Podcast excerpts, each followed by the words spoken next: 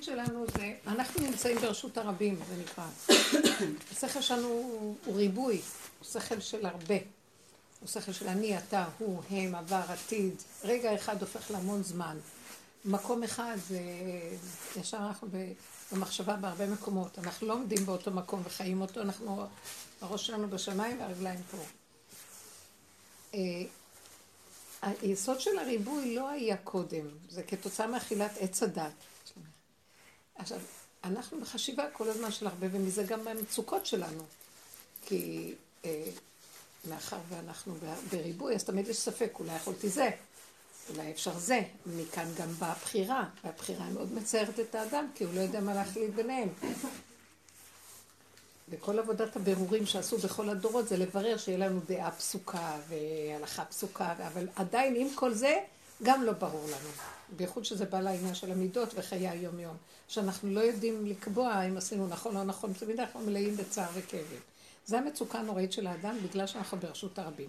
על כן השבת, שזה רשות היחיד, זה היום שאנחנו כל כך מחכים לו ומתנפשים כביכול אה, באמת. היסוד של, של השבת הוא יסוד לחזור לאחדות.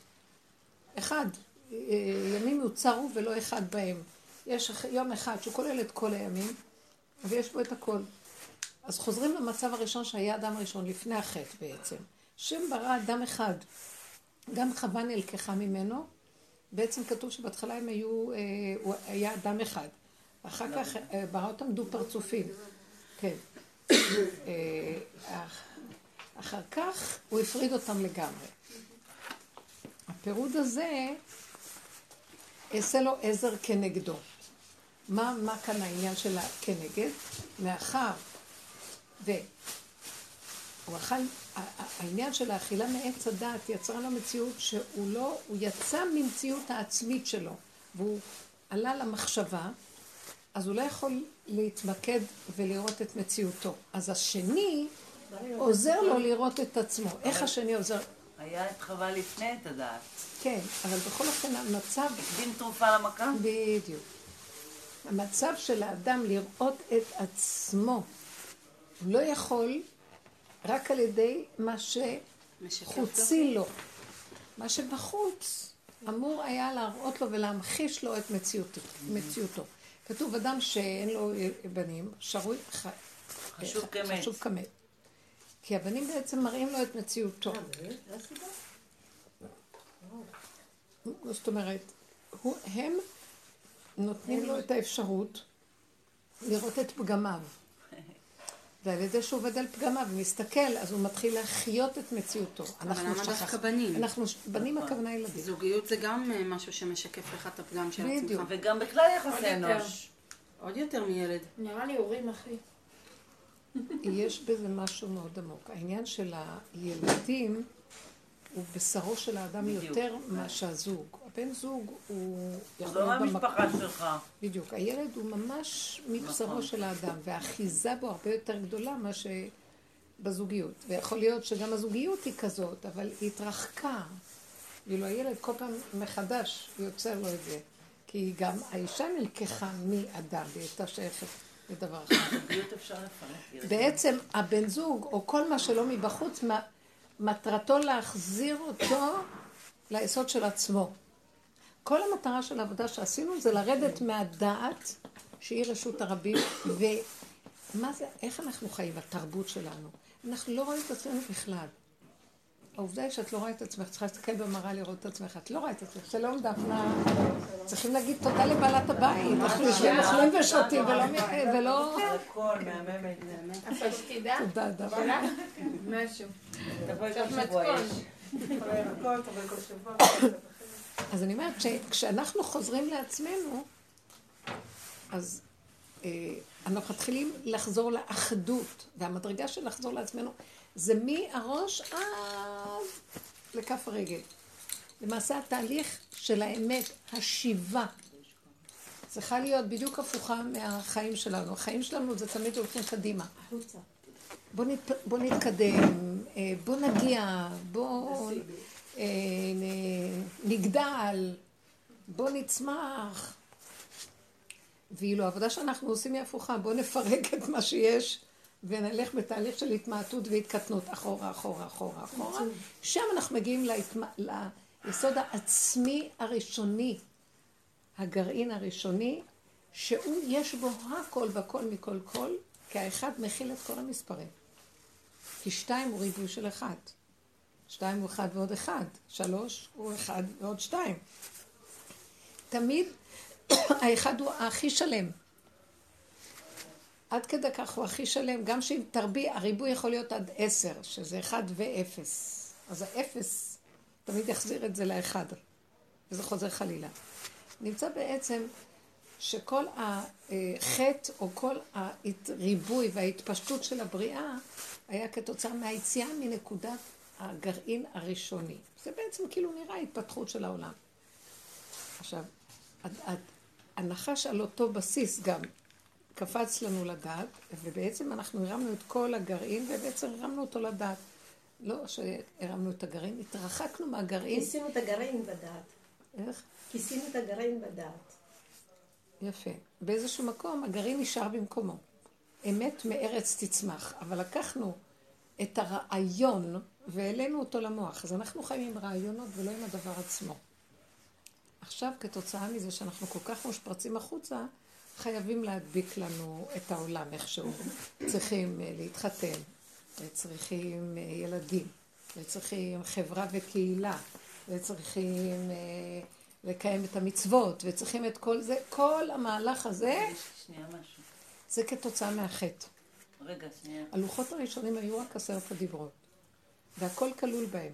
גם התורה שבעל פה כלולה בהם. ומבשרו של האדם, מהחושים שלו, כשהוא היה במתן תורה, הוא ראה את הכל. לא מדרך הדעת שלו הוא השיג את, ה, את, ה, את עשרת הדיברות. זה, הוא אמר נעשה ונשמע בלי זה מידה שכל. הרבה עונש. גם זוגיות, גם ילדים, גם משפחה, גם קהילה, גם... זה מידה הרבה עונש. עכשיו, את חושבת שבגרעין זה גם ילדים, גם זה, גם זה. לי אין אוויר. את רואה את החשיבה שלה? זאת אומרת, היא צריכה לקחת את כל הריבוי הזה לא. ולהכניס אותו לבית. לא. את- כשאת יורדת למטה, את. מפרקת את זה, מפרקת את הילדים. מפרקת את הבעל, מפרקת את החברה, מפרקת את האנשים. מפרקת את התורה אפילו. מה זה התורה? גם את התורה את מחזירה ליסוד הראשוני שלה. לא. במוח שלי, כן. במוח שלי, איך אני מקיים את התורה? יש לי המון דעת, ובדעת יש הרבה מצוות. ואז אה, צריך לעשות המון מצוות, וצריך לעשות הרבה חסד, יש הרבה הלכות. אז אני בריבוי ואני משתגע. כאשר אני באמת, אין לי כלום, יש לי רק רגע אחד, והרגע הזה, מה. מצווה סיבה. מסובבת לי. כן. פתאום מישהו דופק בדלת צדוקה. בסדר, אז צדוקה, רגע. או המצוות באות לפי סיבה, זמן ומקום. זה לא שיש לי, אני הולך עם כן. הר של דעת של מצוות, וזה גוף ממש משגע את הבן אדם. וזה לא צריך. אז אם כן, כל התהליך שלנו זה שיבה, תהליך של שיבה, כדי להשיג את היסוד של האחדות, האחד, וההתקללות, יסוד הקלילות, קורא לזה, ומיסוד הקלילות קורא- ליסוד האחדות. מה זה אה, אה, הלשם? שזה הוא מפרש את עץ חיים. זאת אומרת שבאיזשהו מקום, כל התהליך של החזרה זה לחזור להתקלל. עכשיו אנחנו גם בעברים, כל כך הרבה עברים, אבל בסופו של דבר, לחזור כשיש לנו אבל לפי נשימה. זה, את הריבוי התחיל הקדוש ברוך הוא, שנתן את האופציה של חווה בכלל. זאת אומרת, שאת אמרת שהבן זוג הוא השיקוף שלי. באותה רגע זה אומר שכבר יש, אבל מה שקורה, עכשיו היה של עוד מישהו. כן. תקשיבי, הריבוי קיים גם בבריאה.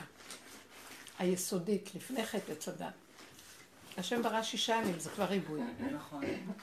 הוא ברא שמש וגם ירח. הוא ברא שמיים וארץ. והרבה חיות. וחיות שונות. נמצא שהוא ברא את כל זה על מנת להשיב אותה בזמן קצר לשורש שלה. שכן יש איזה מקום, הוא ברא את כל הבריאה לבחירה. שכולם יבחרו להבין שזה יצא על מנת לאפשר לבן אדם לחזור לשורש. כמו שאת עושה תנועה, ובאמת את מחזירה את היד לכיס. מה עשה הבן אדם? חטא עץ הדת, לקח את הריבוי וריבה אותו. והוסיף עליו והוסיף עליו עד שנהיה, מנקודה אחת נהיה, כן. בוא נגיד, מהשורשים של העץ נהיה ענפים, וענפים עוד ענפים. ועוד ועוד. סבך של יער. והלכנו לאיבוד בסבך של יער, שאנחנו, הוא כל כך מתרבה שמרוב ריבוי אנחנו מבולבלים. כאשר מי שיש לו את ההתבוננות להסתכל, אין ריבוי בכלל. אם היה לנו את העין, פעם השם פתח לי את העיניים, וראיתי שהכל זה אותו דבר. זה רק כאילו הרבה ושונה. שהכל חוזר לאותה נקודה. ראיתי את זה, זה, זה, זה, אמרתי, לא, אבל זה שייך לזה. אה, אה, זה... היא ראית את היסוד שהכל בעצם רק כאילו הרבה, כאילו שונה. ובעצם הכל זה דבר אחד. ההת- ההתקללות, הכלילות. אז עכשיו מה, ראית- את זה דבר משותף לכולם? ראיתי את האחדות בבריאה. זה היה רגע שהרגשתי. שהכל זה אחדותו יתברך, והכל מאוחד בו. אז אין ריבוי. זה רק נראה שזה ריבוי. הנה פרקטל. נזכרתי, פרקטלים. אתם יודעים מה זה לא פרקטלים? פרקטל. אמ, פרקטל זה צורה כזאתי, אני אראה לכם תמונה. זה בעצם המבנה הזה, זה ממש מסתדר לי מה שאת מת- מתארת. פרקטל, אני אראה תמונה ותראו. זה, אה, הנה, כמו מבנה של עץ, ב- אה, או שורשים, נגיד, אה, איפה רואים ברור? לא נורא, מה? ש, שהיה אחד, היה ריבוע אחד, ואז, או, או בעץ, כן, מכל עץ, אז הוא מתפצל לשתיים. כל אחד מהשתיים לעוד שתיים. כל אחד מהשתיים לעוד שתיים. זו תופעה שקיימת בטבע, בהרבה דברים, נגיד כרובית קטנה. אה, כרובית, את לוקחת כרובית, זה כאילו גזע ופרחים. עכשיו תקחי פרח, את תראי אותו, הוא כאילו כרובית קטנה. תורידי אותו, עוד פעם, עוד פעם, עוד פעם, עוד פעם, עוד פעם. אז זה מאוד הסתדר לי, מה שתיארת. כן, יש כאלה ממש אה, דוגמאות שלמות. וגם אגב, כדור הארץ, רואים לפעמים אה, מלמעלה תמונות של, אה, אם זה פיורדים או אני יודעת מה, ב, במקומות, אה, בנורבגיה יש כאלה שרואים, כן, אז נגיד החוף נגמר באיזה צורה כזאת. עכשיו עושים זום, אז רואים הרבה הרבה קטנים, בכל אחד מהם עוד כאלה, עוד כאלה, עוד כאלה. וזה זה קיים בהרבה מקומות בטבע, התופעה הזאת. פרקטל, זה מדהים. כי דיברנו שיש ריבוי, שהכל התחיל מאחד. איך חוזרים לדעת שאדם בעצמו הוא הבן זוג של עצמו. שבתוך עצמו יש את האחדות. לא צריך בגוד. עכשיו, זה לא, זה לא אומר שעכשיו אנחנו נפרק את הזוגיות, או את הילדים, או את החברה, אבל נפרק את בטעם. את התלות. את התלות ואת המאוימות שהריבוי יוצר. אנחנו פשוט עושים עבודה פסיכולוגית. אנחנו לא נשנה את הבריאה בחיצוניותה כרגע. לא תשני את אנחנו הכללים שקבעו איך העולם הזה. בדיוק. אז אנחנו שנה את ההתייחסות שלנו. מפרקים את כל הדימוי והחוקיות. מה, מה אנחנו מפרקים? את הטעות הזאת שהתרפתה ויצרה מציאות. והיום המציאות היא, היא מציאות שנראית מציאות, אבל היא כולה אחוזה בשקר, היא אחוזה בכל מיני דברים שנוצרו כתוצאה מ- מהאמונות של בני אדם ב- בשקרים. וזה יוצר מציאות, שקבוצה גדולה מתנהגת את השם, ובחינת המראה והמקל להראות לי את עצמי, ואז אני רואה את עצמי, אני צריכה לקחת אחריות ולראות שזה בעצם מתוכי. אני באמת, יכול להיות שאני צודק, שהוא לא בסדר, אבל לא מחפש פה את הצדק, אני מחפש לחזור, העיקר שלי זה לחזור לנקודת האחדות. ודרך אגב, זה שם יסוד השכינה וגילוי אחדותו יתברך פה בתחתונים. בעליונים זה המחשבות והריבוי שאף פעם לא משיגים איפה פה אחדותו יתברך, כי זה רוחני מדי. יסוד הרוח מתפשט וגדל.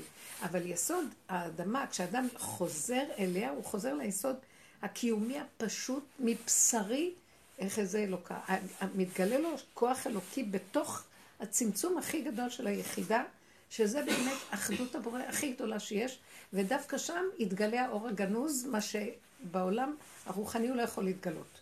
כי יש שם ריבוי וכביכול הערה. ואילו כאן זה חושך וצמצום וחומר פשוט שאין אחריו שום אפשרות אחרת. כאילו הגענו ליחידה הסופית.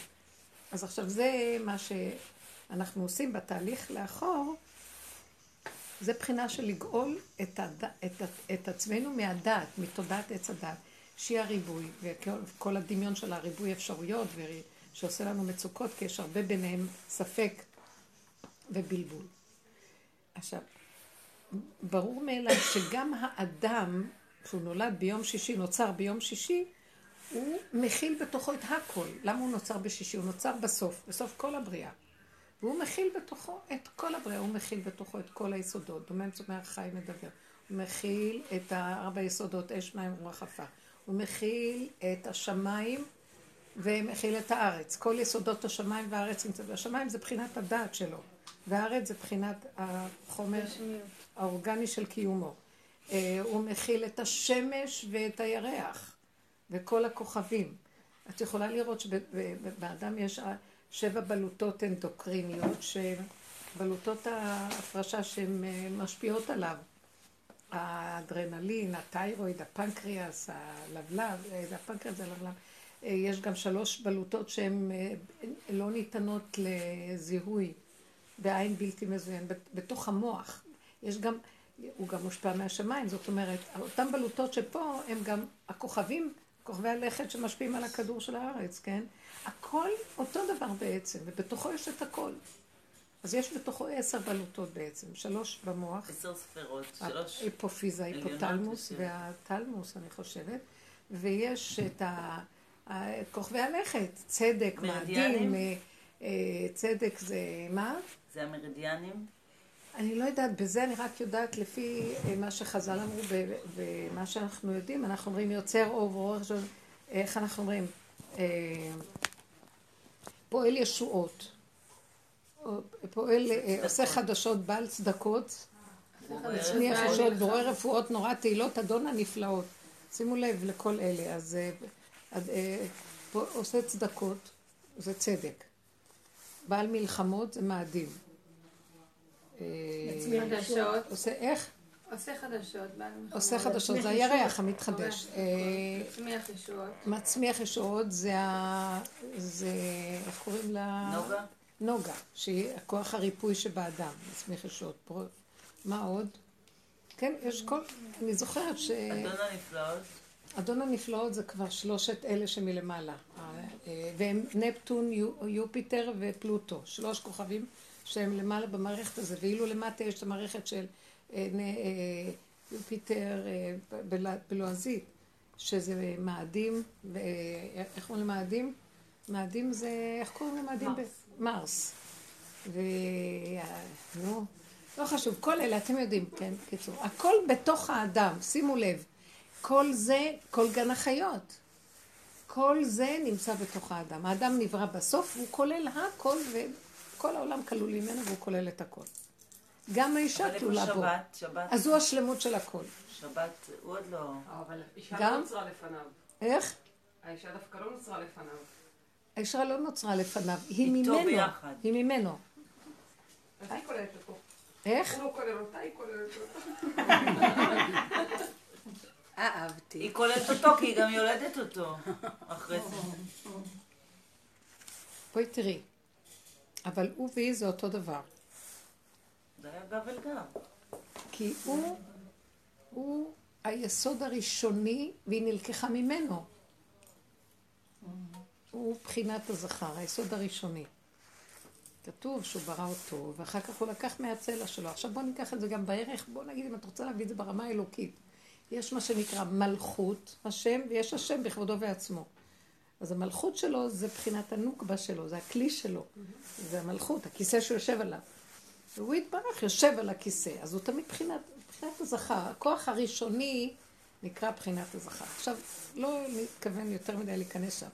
אבל אם אנחנו יורדים למהלך של הזה, בסופו של דבר אנחנו צריכים להבין שהכל כלול בכל, כל מכל כל, וזה נמצא בתוך האדם. נמצא שגם הבן זוג של האדם נמצא בתוכו. אם זה זכר, יש בו את הנקבה, וזה נקבה, יש בו את הזכר. אז יש את הקו ואת העיגול. מאיפה מתחיל הקו? מנקודה אחת, שגם יכולה לעשות את העיגול, ויכולה לעשות את הקו. נמצא שזה בעצם הכל אותו דבר, אבל לצורך הבריאה והתפקידים בבריאה, חלק את זה לשתיים. אבל בעצם זה חוזר להיות נקודה אחת, מאיפה יצא הקו? מנקודה, מאיפה יצא העיגול? מנקודה. אז הכל חוזר לאותו דבר בעצם. וכל העבודה הזאת אנחנו צריכים להביא אותה לתוך עצמנו.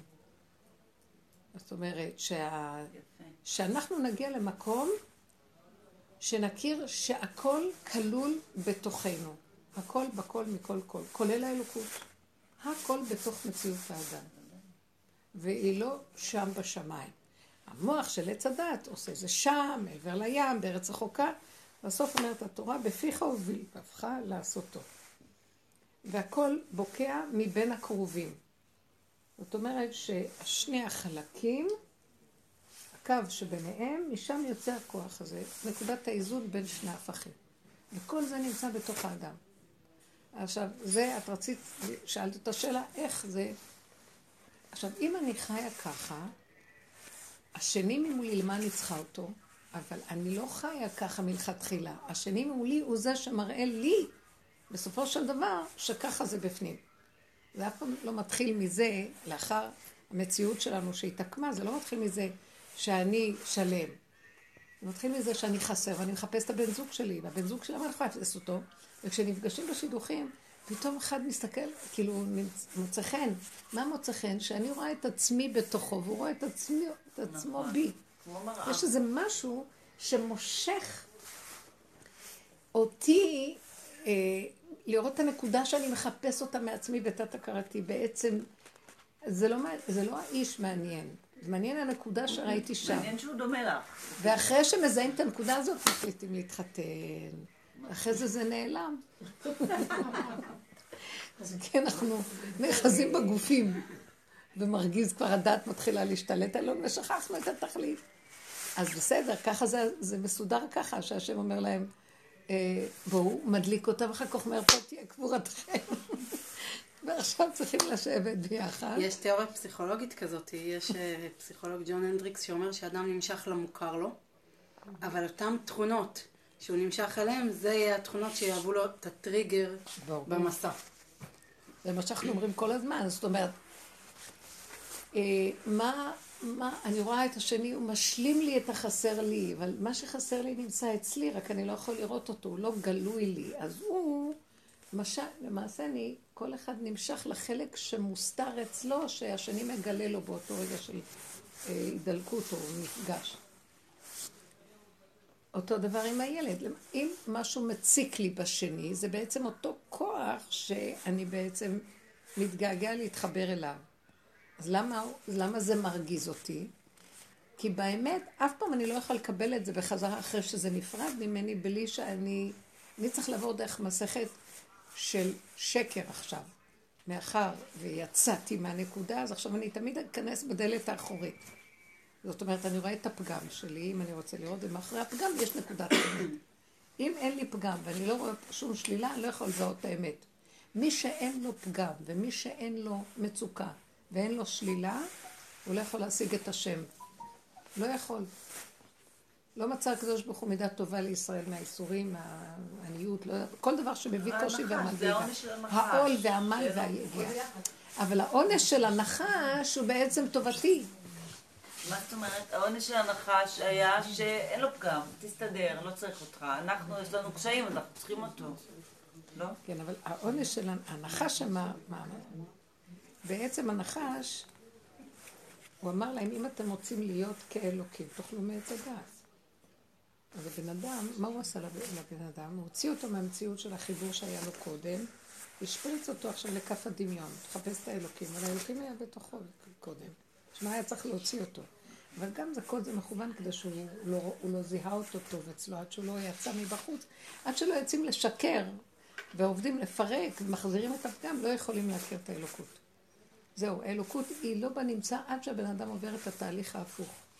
אז לכן, כל, בואו נחזור לכל זה, לכן כל היסוד שלנו זה רק להכיר את הפגם שלנו, להודות בו, לעבוד עליו, לאבד את האחיזה, את המאוימות ממנו, כי העץ הדת רוצה שנהיה מושלמים, ייתן כאלוקים, אבל באמת באמת אנחנו פגומים וחסרים, וזה בסדר גמור. החיסרון הזה, אם אני משלים איתו, מאחוריו מסתתרת האלוקות. ואמרתי לה, אני, אבן מה עשו הבונים הייתה לראש פינה. אז עכשיו כל מה שעשינו פה פירקנו.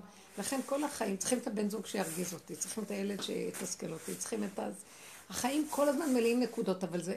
החוכמה של האדם זה לא להתרחב מדי בתסכול ולאבד את המציאות של החיים מרוב איסורים, אלא להכיר שרגע אחד שיש משהו שמנגד אותי, פה נקודת האמת אני רוצה. לשאול על זה משהו מעשי, למשל. היום בבוקר אה, הלכתי לרופא עם, ה- עם הילד, קופת חולים, לקחתי עוד שלושה ילדים לחיסון, ולפני שנכנסתי לרופא שלחתי את הילדים להוציא תור.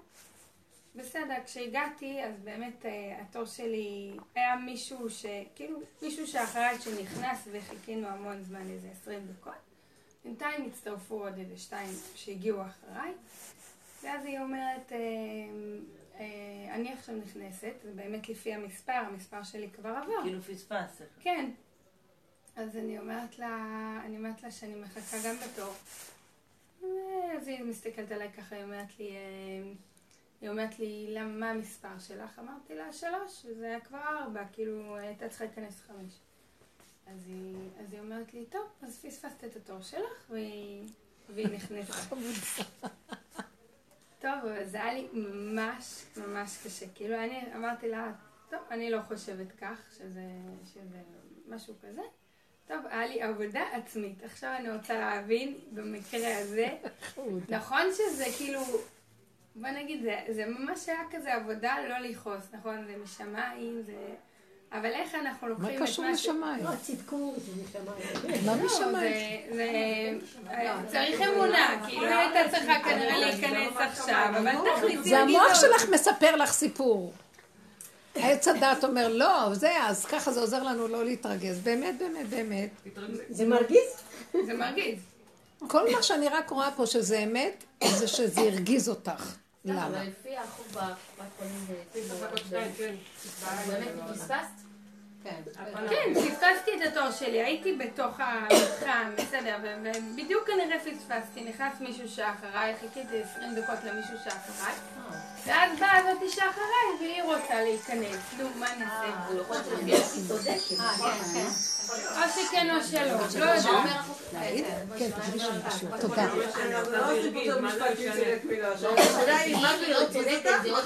לא יודעת, את יודעת מה? אפילו תגידי, אוקיי, את מסכימה שאני אכנס, אני מאוד ממהרת. עכשיו תראי מה עושה המוח.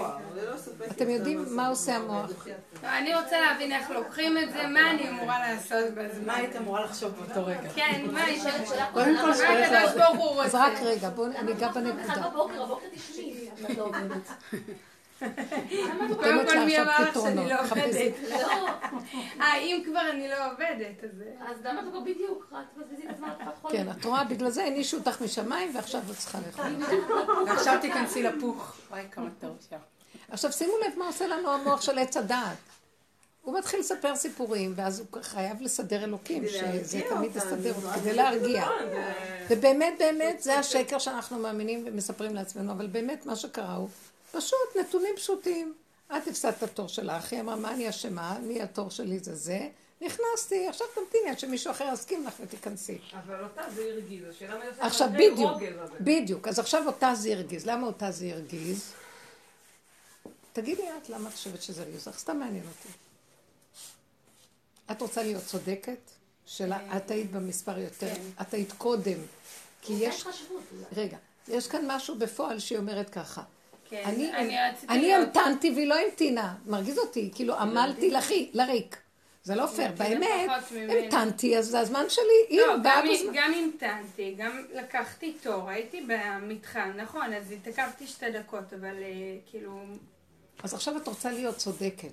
אני נראה לי שאני רוצה, רציתי להיות צודקת. מה, זה בדיוק. אפילו אחרי זה רציתי תביני. לשאול אותה אם היא הייתה, אם היא הייתה, כאילו, במקרה הפוך, אם היא הייתה, כאילו, בתוך ליבי רציתי לשאול אותה כשהיא יצאה, תגידי, אם זה היה הפוך, את היית שותקת? זה בדרך כלל אותם אנשים ש... מה יהיה אכפת לך לשאול אותה?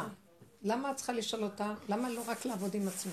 לא, אני יודעת, לא, כי לא הנקמנות אני- עוד עליה, הדמות נהיית עכשיו לא, אבל אני לא. מבינה, מה שהפריע לך זה זה שאת להיות צודקת או לא, שהפריע לך שפשוט היית צריכה לחכות. בדיוק. לא, אבל השתגעת בואי, לא, נגיד ככה, נגיד. שמישהו, כאילו, חרו לי, כאילו, תשבי בפינה בדיוק. בשקט, נגיד שהבן אדם שהיה בפנים, אוקיי, לא, הבן אדם שהיה בפנים היה בפנים עוד עשר דקות, אז גם הייתי מחכה. יכול להיות שהייתי עצבנית כי מיהרתי, אבל לא הי- לא היה לי את ה- את הכעס כלפיו כמו שהיה לי כלפיה, כאילו, כעס כלפיה. ברור ש...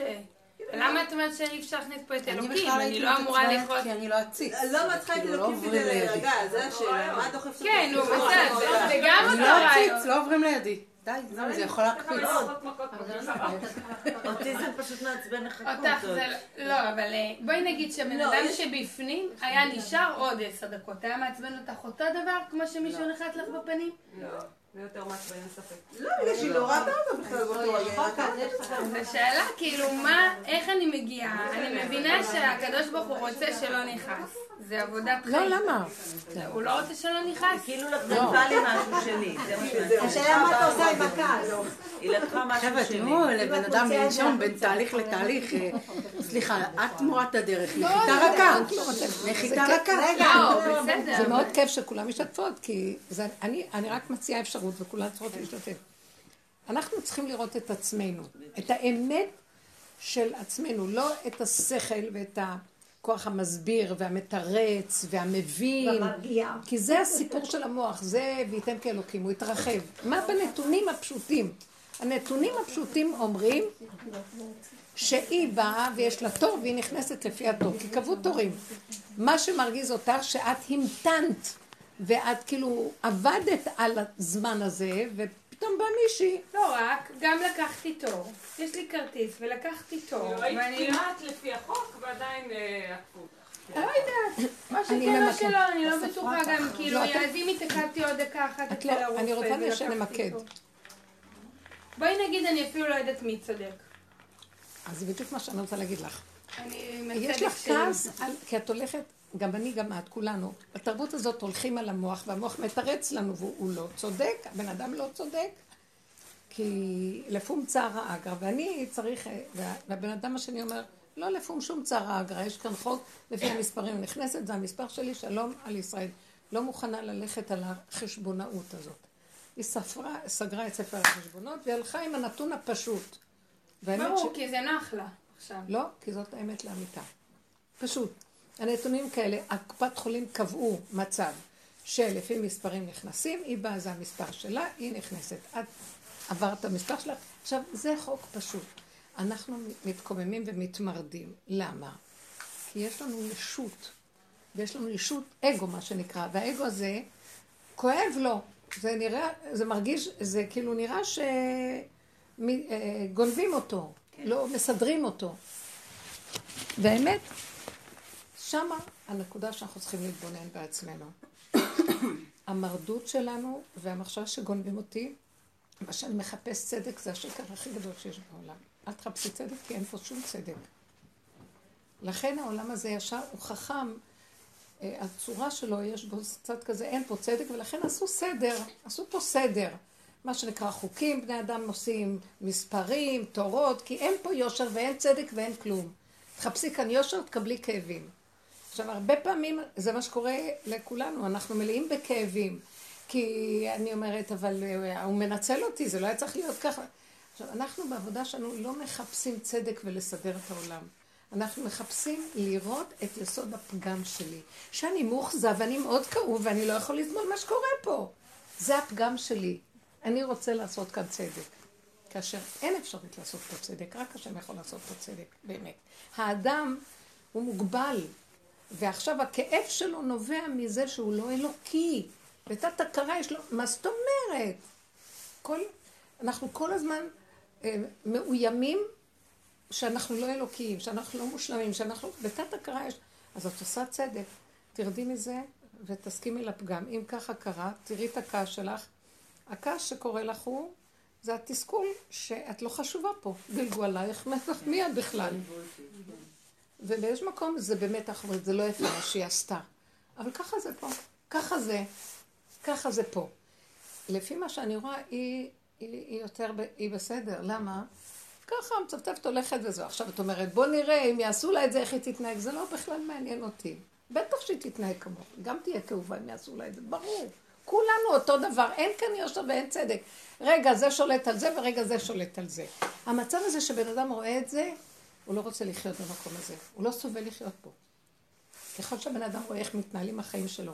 זה בכלל במערכות ש... של החינוך שהילדים מונחים במערכות של אה, אה, הכלכלה וה... וזה שלו במערכות, הזוגיות שלו, הזוגיות היא המון ניצול יש בה.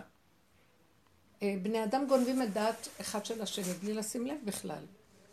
לאיש יש איזה משהו שכאילו כתוצאה מהחטא והקללה, והוא ימשול בך. אל אישך תשוקתך זה כבר חיסרון, והוא ימשול בך. זה נתון שהוא קיים, את צריכה להילחם בו חזק חזק כדי לפרק את הדבר הזה. אז עכשיו, העולם לא, לא הגון. למה? כי היא מפחדת ממך, אתה צריך להשתלט עליה, כי יש איזה משהו תת-הכרה, שככה נוצר המצב. שהאישה, יש לה איזה יראה. יש לה איזה יראה. לא, סליחה שאני אומרת, זה לא- היום זה. התפרק, העבודה, החיים פירקו את זה, אבל זה בעולם קיים. לא זה כבר לא קיים בדורות שלי, אם היינו לדעתי. ממש לא. דור- אני דורות לא- שלמים היו ככה. היו, אבל היום זה משהו אחר ועדיין יש בעיות. סליחה, עד היום. עד היום, ויש יכול להיות משהו... שהבת שלך תתחיל את הדרך משם. אני רואה את זה שונה. זאת אומרת, לא, רגע, זה לא עניין של לראות, לא לראות, אלה אקסיומות ועדיין יש בעיות. לא ברור שאנשים שעובדים- לא הכל מתפרק. עכשיו, כל העבודה שאנחנו עושים זה לא להיות, אין לי טענה או טרוניה לעולם, זה ילדותי.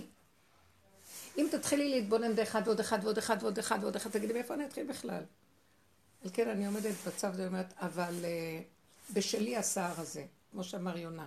אני גרמתי את כל הסיפור הזה, זאת אומרת, אני לא גורמת את זה במודע, אבל כל המצב הזה הוא לא בכלל מצב להתחיל להתלונן עליו, אלא מה עכשיו אני צריך לעשות? מי החכם בך שיכול? אז יונה, שהוא ראה את כל הסיפור הזה, הוא ברח מלפני השם. הוא בורחים, ראה שכל המערכת הזאת היא מטעה מאוד. הוא, ישלחו אותו לניל, והוא ילך, הוציא תמיד שמה, בסוף השם ייתן להם כל טוב ארץ מצרים, וסתם יגיעו למן ולריק, וככה כל הזמן זה פה עובד. אז הוא לא רצה להישמע להנהגה פה. אותו דבר. אה, לא, אליהו היה רבו, ואליהו הולך להתרות באחאב איזבל שבשליחות השם, ואליהו רואה, הוא בורח מפניהם ומפחד ומאיימים עליו להרוג אותו ומה לא, מסתתר במע- במערות במדבריות, והם הולכים וגויים על גדותם מרוב עושר וכבוד ומה לא. אז הוא אומר, אני לא מבין מה אתה עושה פה. אז הוא בא בטענה להשם, אמר, אתה הסיבות הליבה אחרונית, אתה, גו- אתה שולח אותי בזה, ולהם אתה עושה ככה, וככה כל ההנהגה פה. אם כן, שלח ביד תשלח, אני לא רוצה ללכת. גם משה רבנו, כשהוא אמר את זה להשם, הוא ידע את ההנהגה הזאת. זו הנהגה ידועה, חכמים רואים את זה. אז הם, מה הם עשו? משה רבנו נולד היום? מגיל 80 הוא שומע את הקול של משה.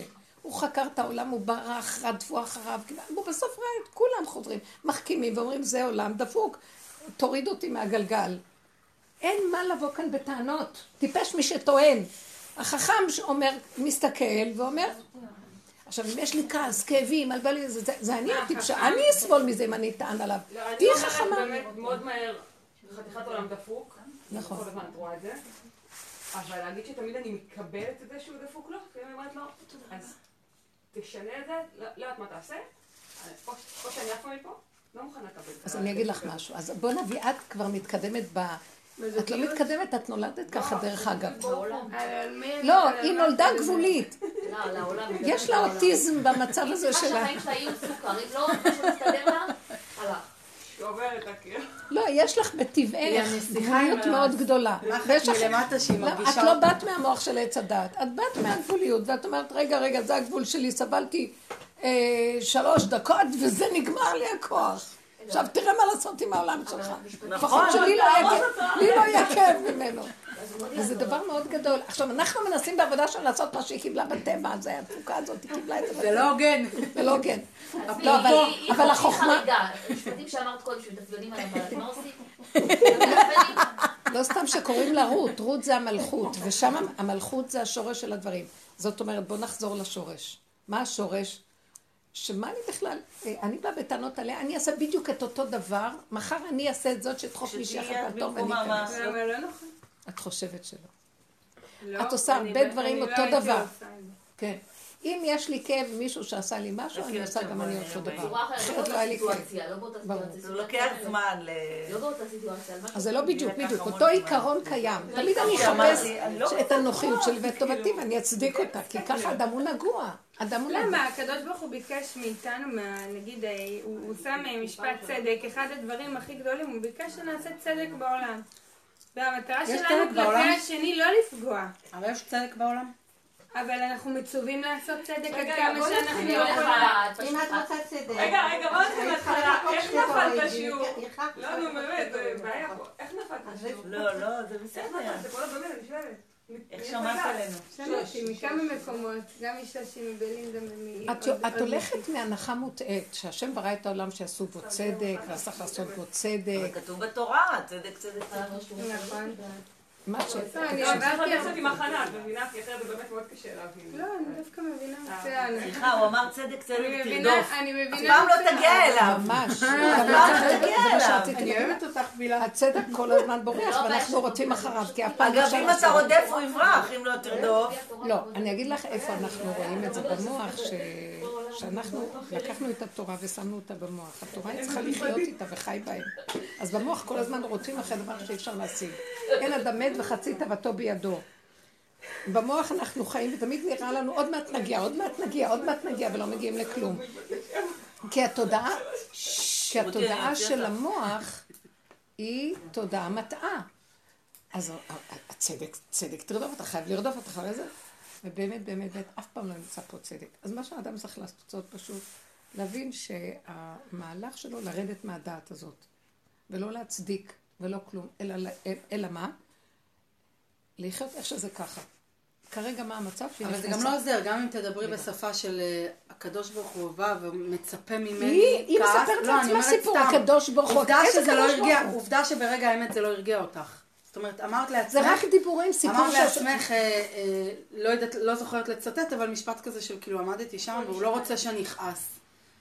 את פרפר רואה, לך בטן המוח מספר לנו סיפור. זה לא עובד, זה לא שפה המוח שעובדת. נגנב, ברגע האמת. מה שקרה. שזה- למה מישהו עובד לפי היא לא זה החוצה, זה משהו אחר, אבל היא הרגישה את הכעס פנימה. זה לא עובד, היה כעס, זה לא משנה אם זה יצא החוצה או לא. יש רגע, אבל אפשר להגיע, זה לא למצב שלא יהיה בכלל לא, כך. אני רוצה לחזור איתה באופן שורשי. כל המקום איפה שאת נמצאת, וכולנו בתרבות הזאת, הרגליים שלנו בראש. ואילו הפוך צריך להיות הראש ברגליים. וכן, הוא מספר לנו סיפורים בראש. ויש לנו אה, ספרייה מסודרת, כן ולא, ו- ואנחנו מצדיקים אותו, וכל הזמן מנסים להגיע למה שהוא רוצה שנהיה, ואין אדם מת וחצי תאוותו בידו. אי אפשר. אוקיי, זה הבנתי. אז כן, כל העבודה שלנו לסגור את אותו, הוא מספר גם סיפורים, הוא גם סידר לך השם. הוא אומר לך השם. את יודעת מה זה השם? ואז את שמה אותו גבוה, וזה ערך מאוד עליון, השם, שאומר לנו כך וכך וכך וכך וכך. אם הוא אומר לנו, למה אף פעם לא משיגים את זה? אף פעם אין כאן, אומר קהלת, אה, ובמקום המשפט, שם מקום הרשע. מה שלא חקרתי, מה שלא ראיתי, אין כלום. הכל כאן, אין חדר, מעוות לא יוכל לתקון. נמצא בעצם שמה שאומר לנו זה תחת השמש, אי אפשר לתקן פה כלום. אז הנקודה היא נמצאת. אה? בדיוק, ממש. במקום המשפט שם הרשע, במקום הצדק שם הרשע. תפתחי עיתונים, תראי את זה. ממש. עכשיו, המקום שאנחנו צריכים לעשות הוא ככה, להפסיק לחשוב ולהיכנס למציאות האמיתית יותר, האמת. לא צדק משמיים נשקף, רק אמת מארץ תצמח. זאת אומרת, תראו, מה זה ארציות? איך שזה ככה. היא נכנסה קודם, שימי לב לאן אנחנו מנסים להיות. אני צריך להגיע למקום הכנעה, שככה הנתון וזהו זה. ושמתי את השם והצדקתי ואמרתי, והוא אומר לי, לעשות ככה, ואז אני מתרגז, ואז אני אומר, לא, אבל אסור. אבל ככה המקום וזהו, זה, זה אומר שככה השם רוצה? לא, אני לא צודקת. השם רוצה שהיא תיכנס קודם, זה ה... עכשיו, למה, אני שואלת. שאלה, למה אני צריכה להשתמש במילה השם פה? ככה כל הבריאה הוא מנהל. לא, תקשיבי רגע. את רק אומרת את זה כי את חושבת את זה, את לא חיה את זה. מתי אני חיה את זה? כשאני לא אומרת בכלל ככה הוא רוצה, אני פשוט נכנעת וזהו. ההבדל הוא בין... אני חיה את השם. לבין שהוא. הבריאה. זה ההבדל.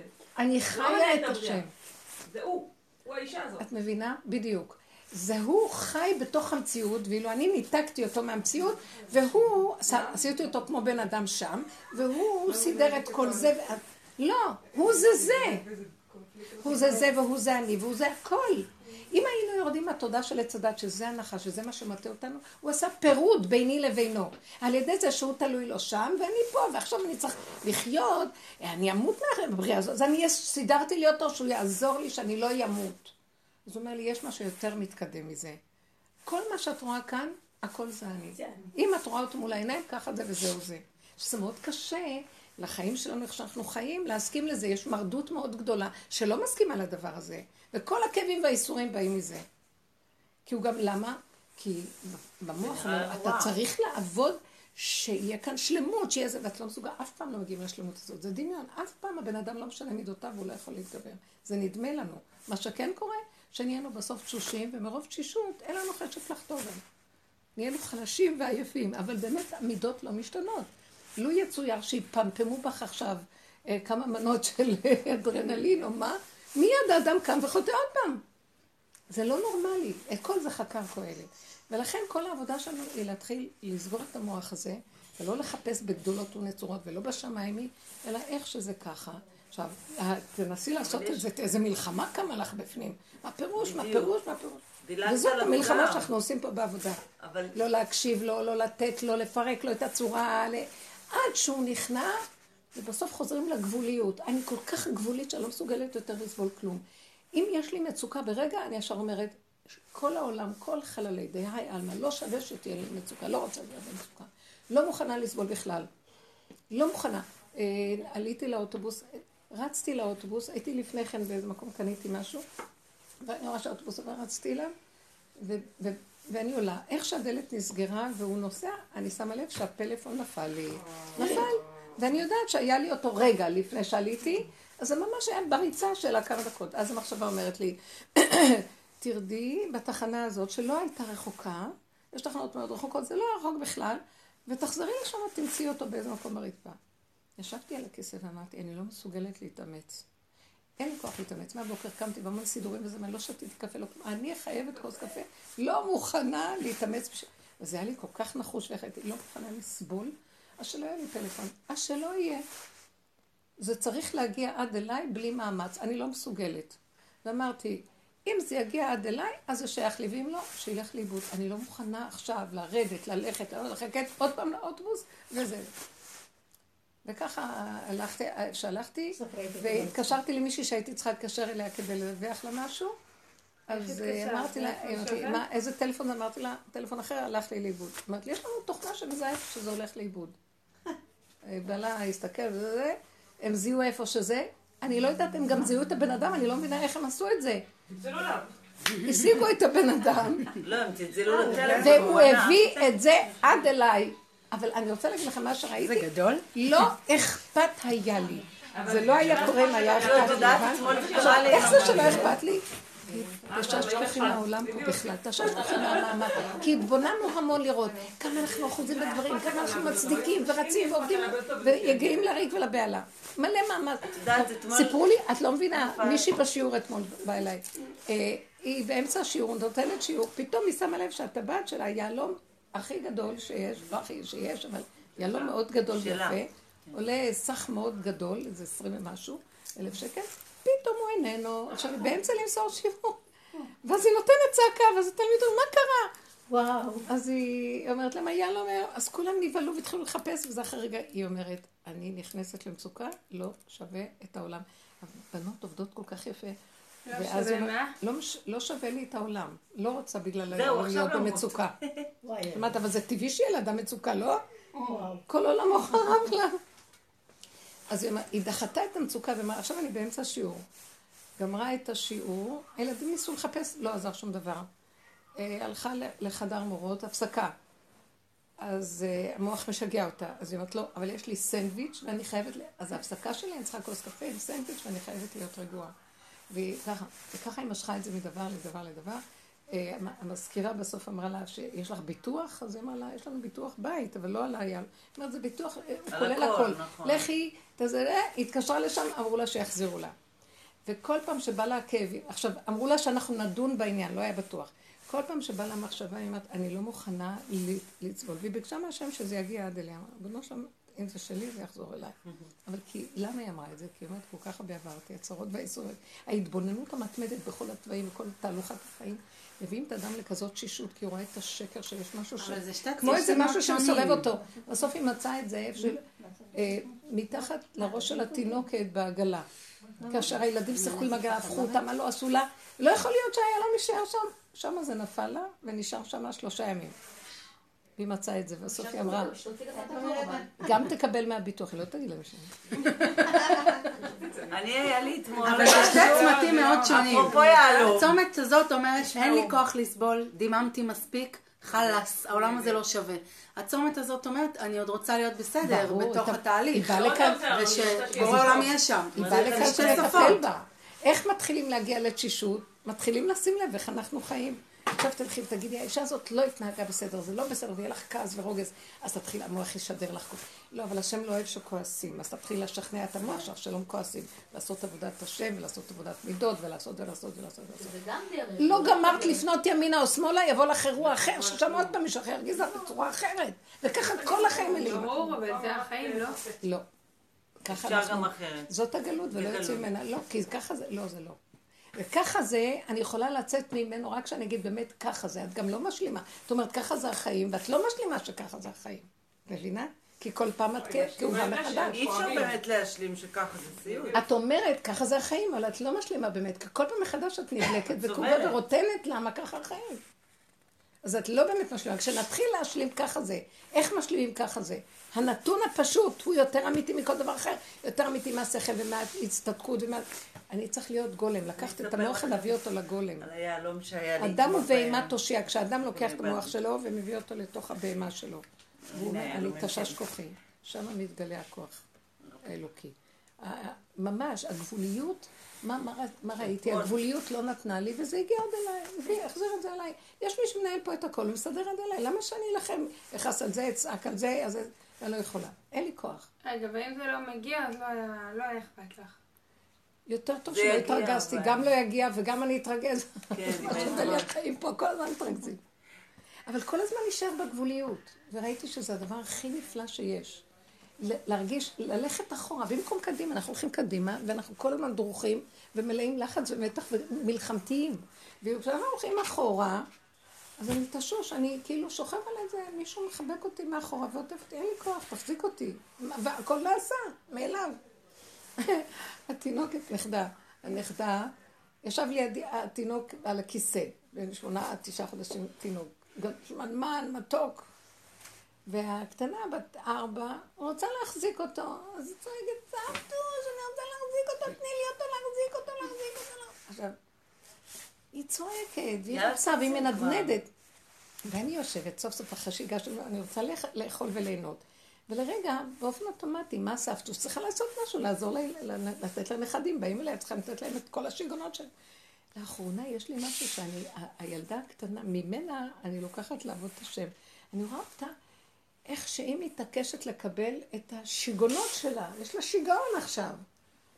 לרגע, רק שהיא תחזיק אותו לרגע ותרגיש אותו, ועכשיו אני גם צריכה לה- להרים אותו, להתכופף אליה, כן. לשמור שלא תשמוט אותו, כי בא לה. אז רגע הסתכלתי עליה ונהייתי כמו הילדה הקטנה כמוה, ואמרתי לה, לא בא לי! כמו ילדה קטנה, סבתא בתניה, לה, לא בא לי! כל אני אמרתי לה, לא לי. תקשיבי, אה, כמו שאת כל כך רוצה, אני לא רוצה. היא לא הבינה מה אני אומרת. אז היא התחילה, אני רוצה את התינוק. אמרתי לה, לא רוצה, זה קשה לי, אני לא רוצה לקום עכשיו. לא נעים לי, לא טוב לי, אני אוכלת. כבד לי, אני מספרת. עכשיו, כולם שתקו והתחילו להקשיב לי. ואני דיברתי אליה, והם הסתכלו עליי, תגידו, זה... הסבתא קרה? לה משהו. ואז אני פתאום התחלתי, מצאתי במה להתחיל, ואמרתי, למה, למה שיגרע חלקי? אני גם כמו ילדה קטנה. למה שאני, בגלל נכון. השיגעון שלה, צריכה להפסיק את הכל ולתת לה כדי שיהיה לה חייך כיף? קודמים לחיי חבריך. ואני צריכה להתאמץ על כל זה, ולמה שלי לא יהיה כיף? עוד יותר בכלל, עכשיו מה? ואז אמרתי להם, וככה הם שיעבדו אבל אותנו. זה נכון מאוד. ככה ככה שיעבדו אותנו הילדים. יש מה, ממש מה? הפסדת כאן? הכלה חשבה שהבורג זה... תחשוב, טוב מאוד שתבינו מה יש להם. אני הרבה פעמים אומרת דברים דומים. רגע, איך זה נגמר? והילדה, והילדה צועקת, צועקת. ואני ראיתי כשדיברתי איתה בהתחלה, והייתי רק אני והיא. אז כולם דיברו ולא שמו לב. קיבלה את זה. בדיוק. היא התחילה להקשיב לי, כי דיברתי מהאמת שלי, הכי פשוטה. אחרי זה אני ניסית לא- לעשות אני הצגה לא רוצה, כבר.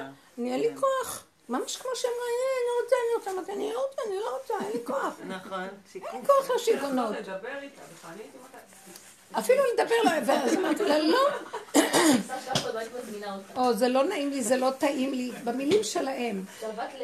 אחרי רגע כולם מסתכלים עליי ואומרים, מה, מה, ואז אמרתי להם, כן, אתם רואים, ממנה אני לוקחת דוגמה איך אני צריכה לחיות. הם חיים בכיף, הכל מגיע עד אליהם, ושיעבדו את כולכם אליהם. ההורים משועבדים לילדים ברמות הם גם לא מתביישים לצרוח. לא מתביישים וצורכים ודורשים, ואיזה אנוכיות, ובתוך עצמם לא אכפת להם. מאף אחד. אני שואפת בבחירה להגיע לשם. כי למה? כי באמת הם מקבלים כל מה שהם רוצים. נכון. הם מקבלים. ו... אז אחד, עברה איזה חתולה אחת, נכדה אחרת, חתולה, ואז כולם קמו להרגיע אותה, לא, תראי, זה רק חתולה וזה, אז אה, בן אחר אומר לי, הדוד שלה אומר, לא, זה היה נמר. אז היא התחילה לבכות. ואז אני אמרתי להם, למה אתם מרגיעים אותה? בצורה כזאת. לא, לא היה כלום. כן היה משהו, והיא צריכה לצעוק להשם, ולהגיד לו, אני לא יכולה כן. תלמדו אותה שאתם לא תסדרו לה את החיים. כולכם משובדים, כל היום אנחנו מסדרים לכולם, כל... זה רוצה איזה שיגעון, אני מסדרת לו. הבעל רוצה זה, כי כי אישה צריכה לעזת לבעלה. זה, זה, זה, זה, והילדים משתנים. סליחה, ומה איתי? למה, למה שהיא לא תלמד להיות במצוקה שלה, בנקודה שלה, ולצעוק להשם? מה זה לצעוק להשם? לסבול את המצוקה הזאת ולהגיד, אני לא רוצה לסבול אותה. היא תיאלץ להתעקש עם הפחד שלה, והיא תיאלץ למצוא מוצא מהפחדים שיש בעולם, שכל הזמן המבוגרים מנסים לסדר את החיים לילדים. והתחלתי לדבר איתם על הכיוון, הם הקשיבו, ואני אמרתי, אבל אני מדברת איתכם הרבה זמן כשאתם לא מקשיבים, אבל לאחרונה יוצא לי, בלי שאני שמה לב, לא מוכנה כבר לשחק אותה. ואני אומרת להם, זה לא יכול הם להיות. ממשיכים לבוא? הם לא מתעייפים? להם אוכל, למה זה ברור. הם לא מתעייפים? אתם לא יודעים מה היה לי גם בכלל. בעלי דיבר, אז הוא תמיד- הוא תמיד מקריא כל שנה, כל שבוע, כל... את אותם הדברי תורה בפרשיות. הוא אוהב לקרוא את אור החיים נניח, אז תמיד הוא... לי זכור שכבר שמענו את זה כמה פעמים, ואני קוראת גם, אבל... ואז הוא קורא את זה, ואז עכשיו לא אכפת לי שיגידו דב- דברי תורה, אור החיים זה. מה שהכי הרגיז אותי וקלטתי באמת הפשוטה שלי, שהוא כל כך מתענג על עצמו שהוא אמר את אור החיים והוא נהנה מהאור החיים. ואז, תקשיבו, אני, אני ביסוד, כאילו זה נראה חופף לכפירה באיזשהו מקום. ואז אני הפרעתי לו, אמרתי לו, רגע, מה השאלות שהוא שואל? בעצם זה מאוד מאוד מאוד פשוט. כי המוח חייב לתרץ, אז הוא צריך לשאול, כי אמרת שזה, בסוף יש לזה, ומה בסוף יש לנו מזה? שהבנו משהו. יש אפשרות בפרשנות שמשהו שהבנו, אבל זה לא האמת. אה, אז עכשיו אני מדברת, ואני מפריעה לו, והוא אומר, חוזר עוד פעם לקרוא ואני מפריעה לו, וכולם אומרים לי, אמא, אמא. ואז שבסוף אמרתי, נמאס לי מכולכם, יצא לי כל האש החוצה. ואמרתי, לא שאני חס ושלום נגד אור החיים ולא סותרת, דורות זה מה שהיה, וככה היה, גדול אחד דיבר וכולם קיבלו. אבל באמת, באמת, באמת, כמו שאור החיים אמר את הפירוש שלו, כל אחד ואחד צריך מבשרו להגיד את הפירוש של עצמו. אולי תתחילו לפרש את התורה מבשרכם, כתוצאה מהחיים באמת, איך שאנחנו חיים. כשדוד המלך, אה, רבו של פעם אמר, שדוד המלך צעק להשם, אה, אמר להשם, אתה קורא לי משיח צדקי, אז אני, בעבור זה שאתה מצאתי חן בעיניך, תיגל עכשיו, תביא עכשיו את הגאולה לעם. אז השם אומר לו, לא, אני רוצה שכמו שאתה עשית לעצמך ועבדת כל כך קשה להשיג את הנקודה, מתוך כתרון האור הבא, מן החושך, ככה תלמד כל אחד ואחד לעשות, אני רוצה שכל אחד ואחד יגיע לנקודה של עצמו. אז משיח בן דוד באיזשהו מקום, הוא מאפשר שכל אחד ואחד יגיע לגאולה הפרטית של עצמו, בלי שאחד יוביל אותו. ואילו בתפיסה שלנו, של, אה, של הגלות, מבחינה של בן יוסף כזה, זה, יש אחד, הוא שליט, וכולם אחריו, אנחנו כן מחפשים ממנו, מקבלים ממנו. ובא השם ואומר, לא, הגאולה האחרונה תהיה שכל אחד ואחד יג, יג, יגאל את הנקודה שלו ולא יזדקק, לא יזדקקו זה לזה, ולא צריך לקבל מאף אחד. ולא שזה בא מהגאווה שאני לא רוצה לקבל, כי זה החידוש שלו, וזה לא החידוש שלי. נכון, וכל אחד יביא את החידוש שלו, כל אחד יכתוב את הספר שלו. זה משהו שאני רוצה, בעצם זה כך צריך להיות האמת. אבל מאחר וגלינו, ואנחנו הלכנו למוח ולריבוי, הקיינים. אז התורה נותנת לנו תיקון. הכנעה לגדולים, ולשמוע מה הם אומרים, וזה נכון, וככה צריך להיות בכל הגלות. אבל התיקון הכללי הסופי יהיה שכל אחד ירד לנקודה של עצמו, אם הוא יהיה מוכן לעבור את הסבל הזה, של לראות את השקר של עצמו. ואת כל הפגמים, ולא לריב, ולא להאשים את השני, ולהודות בנקודה שלו, כמו עבודת יום הכיפורים, ובסוף להיכנע, אז הוא בסוף יתחיל לכתוב את הספר של עצמו, את הנקודה הפנימית של עצמו, והיא האמת. אז, אז, אז דיברתי על זה ואמרתי, אני לא נגד אורח חיים, לא נגד מה, נגד תור... כבר נמאס לי לשמוע את הפרשנות של הגלות, תקשיבו, תצאו כבר ותנצו מה יש בתוך העומק. ברור שיש שם גם את כל מה האור החדש כבר רוצה להביא לנו. אבל לא מגלים את זה, לא רוצים, כי עוד פעם סובלים סביב הידיעה וסביב ההבנה וסביב ההשגה, ואיך, איזה סיפוקים יש מההבנות. אבל בין ההבנה לבין האמת יש 500 שנה הבדל. זה לא מגיע בכלל, זה רק מהחוויה של האמת, משם אפשר להשיג את נקודת האמת. וזה נקרא תורת אמת. זה הבחינה של הלוחות הראשונים, הוא מדבר על זה גם על השם. אז באיזשהו מקום, בוא נחזור לדרך. הדרך היא לחוות ולקבל את כל ההפרעה ואת כל הכאב, את כל הצער ואת כל זה, לפרק ולראות, זה הכל דמיון. למה שיהיה לי צער ממישהו בכלל? הצער הזה לא נכון. אני כן, מצדיק. אבל בו זמנית, גם אם יש צער, אז אתמול היהלום שהיה לי אתמול, הסיפור, זה היהלומים שלי זה המוצץ. מה זה חשוב? יש לנו עכשיו מוצץ אחד. מוצץ אחד. אז אה, לא, הוא לא נהיה, היא קטנטונת, היא לא טיילת איתו בבית. אם זה בעגלה, זה בעגלה, אם זה פה, זה פה, יש ארבע מקומות שזה יכול להיות. אז אתמול אני... מוצץ אחד. מוצץ אחד. אין לי כאילו ספייר. אז אתמול בערב, לא, אני בטוח אקנה. אבל אה, לא, עוד לא יצא, כרגע יש אחד. אתמול אני הולכת, לפני שאני הולכת לישון, אני רוצה מגבית, כן. סליחה, עץ הדת יגיד, תקני עוד ארבעה מצוצים. פתרון, היא נותנת פתרונות. לא, יש אחד. אחד, והאחד הזה לי את הנקודה שלי. בדרך שלנו זה צורה אז תשמעי מה היה. בערב אני פתאום קולטת שכבר לא ראיתי אותו כמה זמן אתה מוצאת, ואנחנו בודקים, לא פה, לא פה, לא באופציות שזה, הוא לא. טוב. ואז אני ככה לא חושבת אחרי זה, אני אומרת, טוב, אני לא הולכת לישון אם אין מוצץ. אמנם בלילה אני לא צריכה אותו, אבל איך שיגיע הבוקר אני צריכה אותו. והוא ילך לעבודה ואני אהיה תקועה, מה קרה? אמרתי, לא, אין מוצץ, אני לא, אין מצב. אתה תלך עכשיו, עכשיו היה כבר לא סגור, מאוחר, 11 וחצי.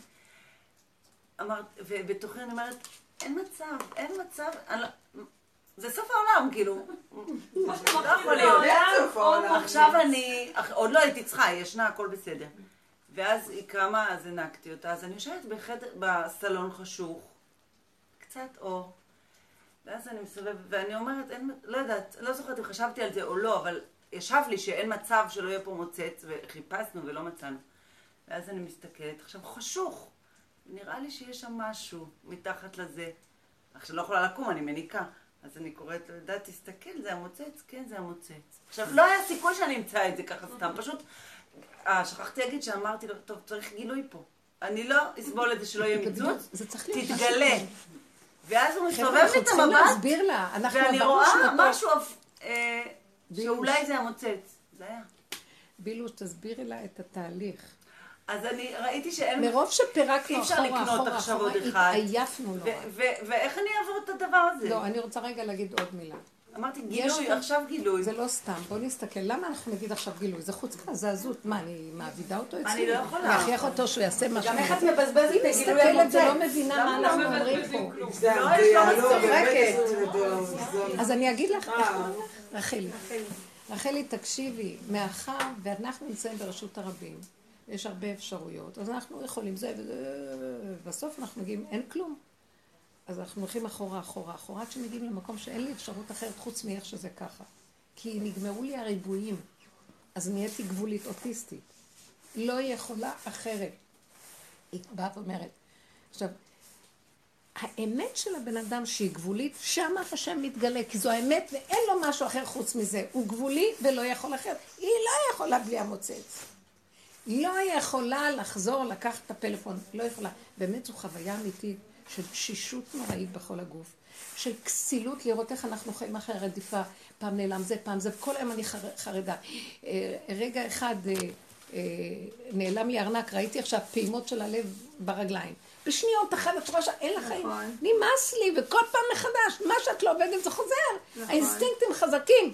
אז אני מקבלת שהחיים פה דבילים, זה לא יעזור כלום. אני רפויה, לא רוצה את הפלאפון, לא רוצה זה, לא רוצה זה.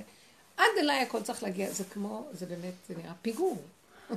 לתודעה של המוח הנעלה, זה היה אני, תחושה של נס. והמשכיל, זה נראה דבילי. שנפתחות עיניים וראיתי. ממש עכשיו בליל שבת, אבל זה לא עזר לי כל ימי, כמה ימים שהקטנים שלי היו בבית, הם לא ידעו שכל כך טוב פעם, הוא ואז היא ואז זה, ואני כבר הרגשתי שהמוח שלי קורה לו משהו, עם כל הכבוד לגבוליות. אז כן, רציתי לעבור מישהו, אבל מעבר לזה... כן, כן, זה הגבוליות גם. זה לא עזר לי, אבל... ואז בליל שבת הבת שלי חטפה סטרידו, אבל ממש, לנביחות. אוי, זה מפחיד. הוצאת אותה החוצה? וזה, עכשיו אני כאילו בסדר, אני אימה גדולה עד היום. כבר מכירה? ואז אה, נשאר לי רק כמה כדורי בית נזולות. ביום חמישי כבר הוצאתי מרשם מהרופא, אבל לא הלכתי ביום שישי להוציא את התרופה, ונשארו לי כמה בודדים, חמישה. מה זה, כדורים? כדורים. נזול. הבאתי לה שלושה, אמרתי, אני חייבת לשמור שתיים בבוקר. אין, לא עוזר. נובחת. אוי, אוי. כי מה אני עושה עכשיו? אני לא יכולה להביא את השתיים. אם אני קוראת, כמו שאתה אומר, אם אני אביא את השתיים, לא נשאר לי לבוקר. אם באמצע הלילה תצטרך, אני לא יכולה. טוב, איפה אני יודעת איפה יש פה תרופות? טוב, אני אלך למד"א, אם גרה יש בקרוב, במד"א יש. פה עזרא. שם זה, ואז אומרת, טוב, בוא נחפש בארון. שזה לא הגיוני, כי תמיד יש לי חבילה, אם היא נגמרת, אני לוקחת עוד אחד. אולי נשאר מפעם, אפשר לחפש, קופסה, יש חבילה. אין. ואז פתאום אני לא יודעת, את היד שלי מאחורי איזה קופסה בפנים, מרגישה איזה משהו. אמרתי, "תקשיבי, זה תהיה. אה, אני מוציאה, שלושים כדורי בית נזול, יפים, מחכים לי. יופי, מעולה, יכולתי לתת אותו עוד שתיים, וכאילו הכל היה טוב, סבבה, זה באמת עבר לה. מה זה עבר לה? נהיה יותר טוב. אבל, היום עוד פעם, ועד שנראה מה, כמו בלילה, ויום עוד פעם, אני יודעת מה שקרה לי. אז צריך. אני לא- לא ידעתי מה לעשות. אני לא ידעתי מה לעשות. לא יכולה להכיל דבר שלא הולך לי חלק וישר כמו שאני רוצה. השתגעתי. זה, זה המוגבלות של הילד הקטן בתוך האדם הגדול הזה. ושם השם נמצא, באשר הוא שם. הוא מתגלה אליו. אני ראיתי ישועות שם. זה לא... זה המקום של הישועות, שהבן אדם מודה שהוא לא יכול. לא מוכן להיות גדול. לא מוכן להיות גדול. אני לא יכול, אני צריך את האדום. עכשיו אתה מוצא את עכשיו... ולא ידעתי כבר איך להכיל את זה בעצמי. כאילו לא היה לי כבר נקודתית פציעה. אוקיי, בסדר, אני משתגעת. יופי, מה הלאה? תקומי זה- ותלכי, זה... אני... ברחתי גם, מה נראה לך? ברחתי. כשאת יוצאת? סליחה, את לא- לא "טוב, חייבת להיות- ביי." להיות יכולה להכיל. את לא יכולה להכיל. יש משהו בתוכנו, לא אבל היסוד של האימא בתוך האדם, זה השקר הכי גדול שיש בעולם. כי האימא רוצה להיות במקום השם, יכולה. והיא דואגת והכל, ויש מקום שאת אומרת, אני, ככל שתקטיני את נקודת האימא, שם יש ישועה, שאני אכנס נכון. לזה הכל. אני פשוט ראיתי ניסים להגיד, אני לא ונפלאות. יודעת, אין לי פתרון, אין לי מושג, אין לי כוח. אין לי תרחם. כוח, וואו. אני לא.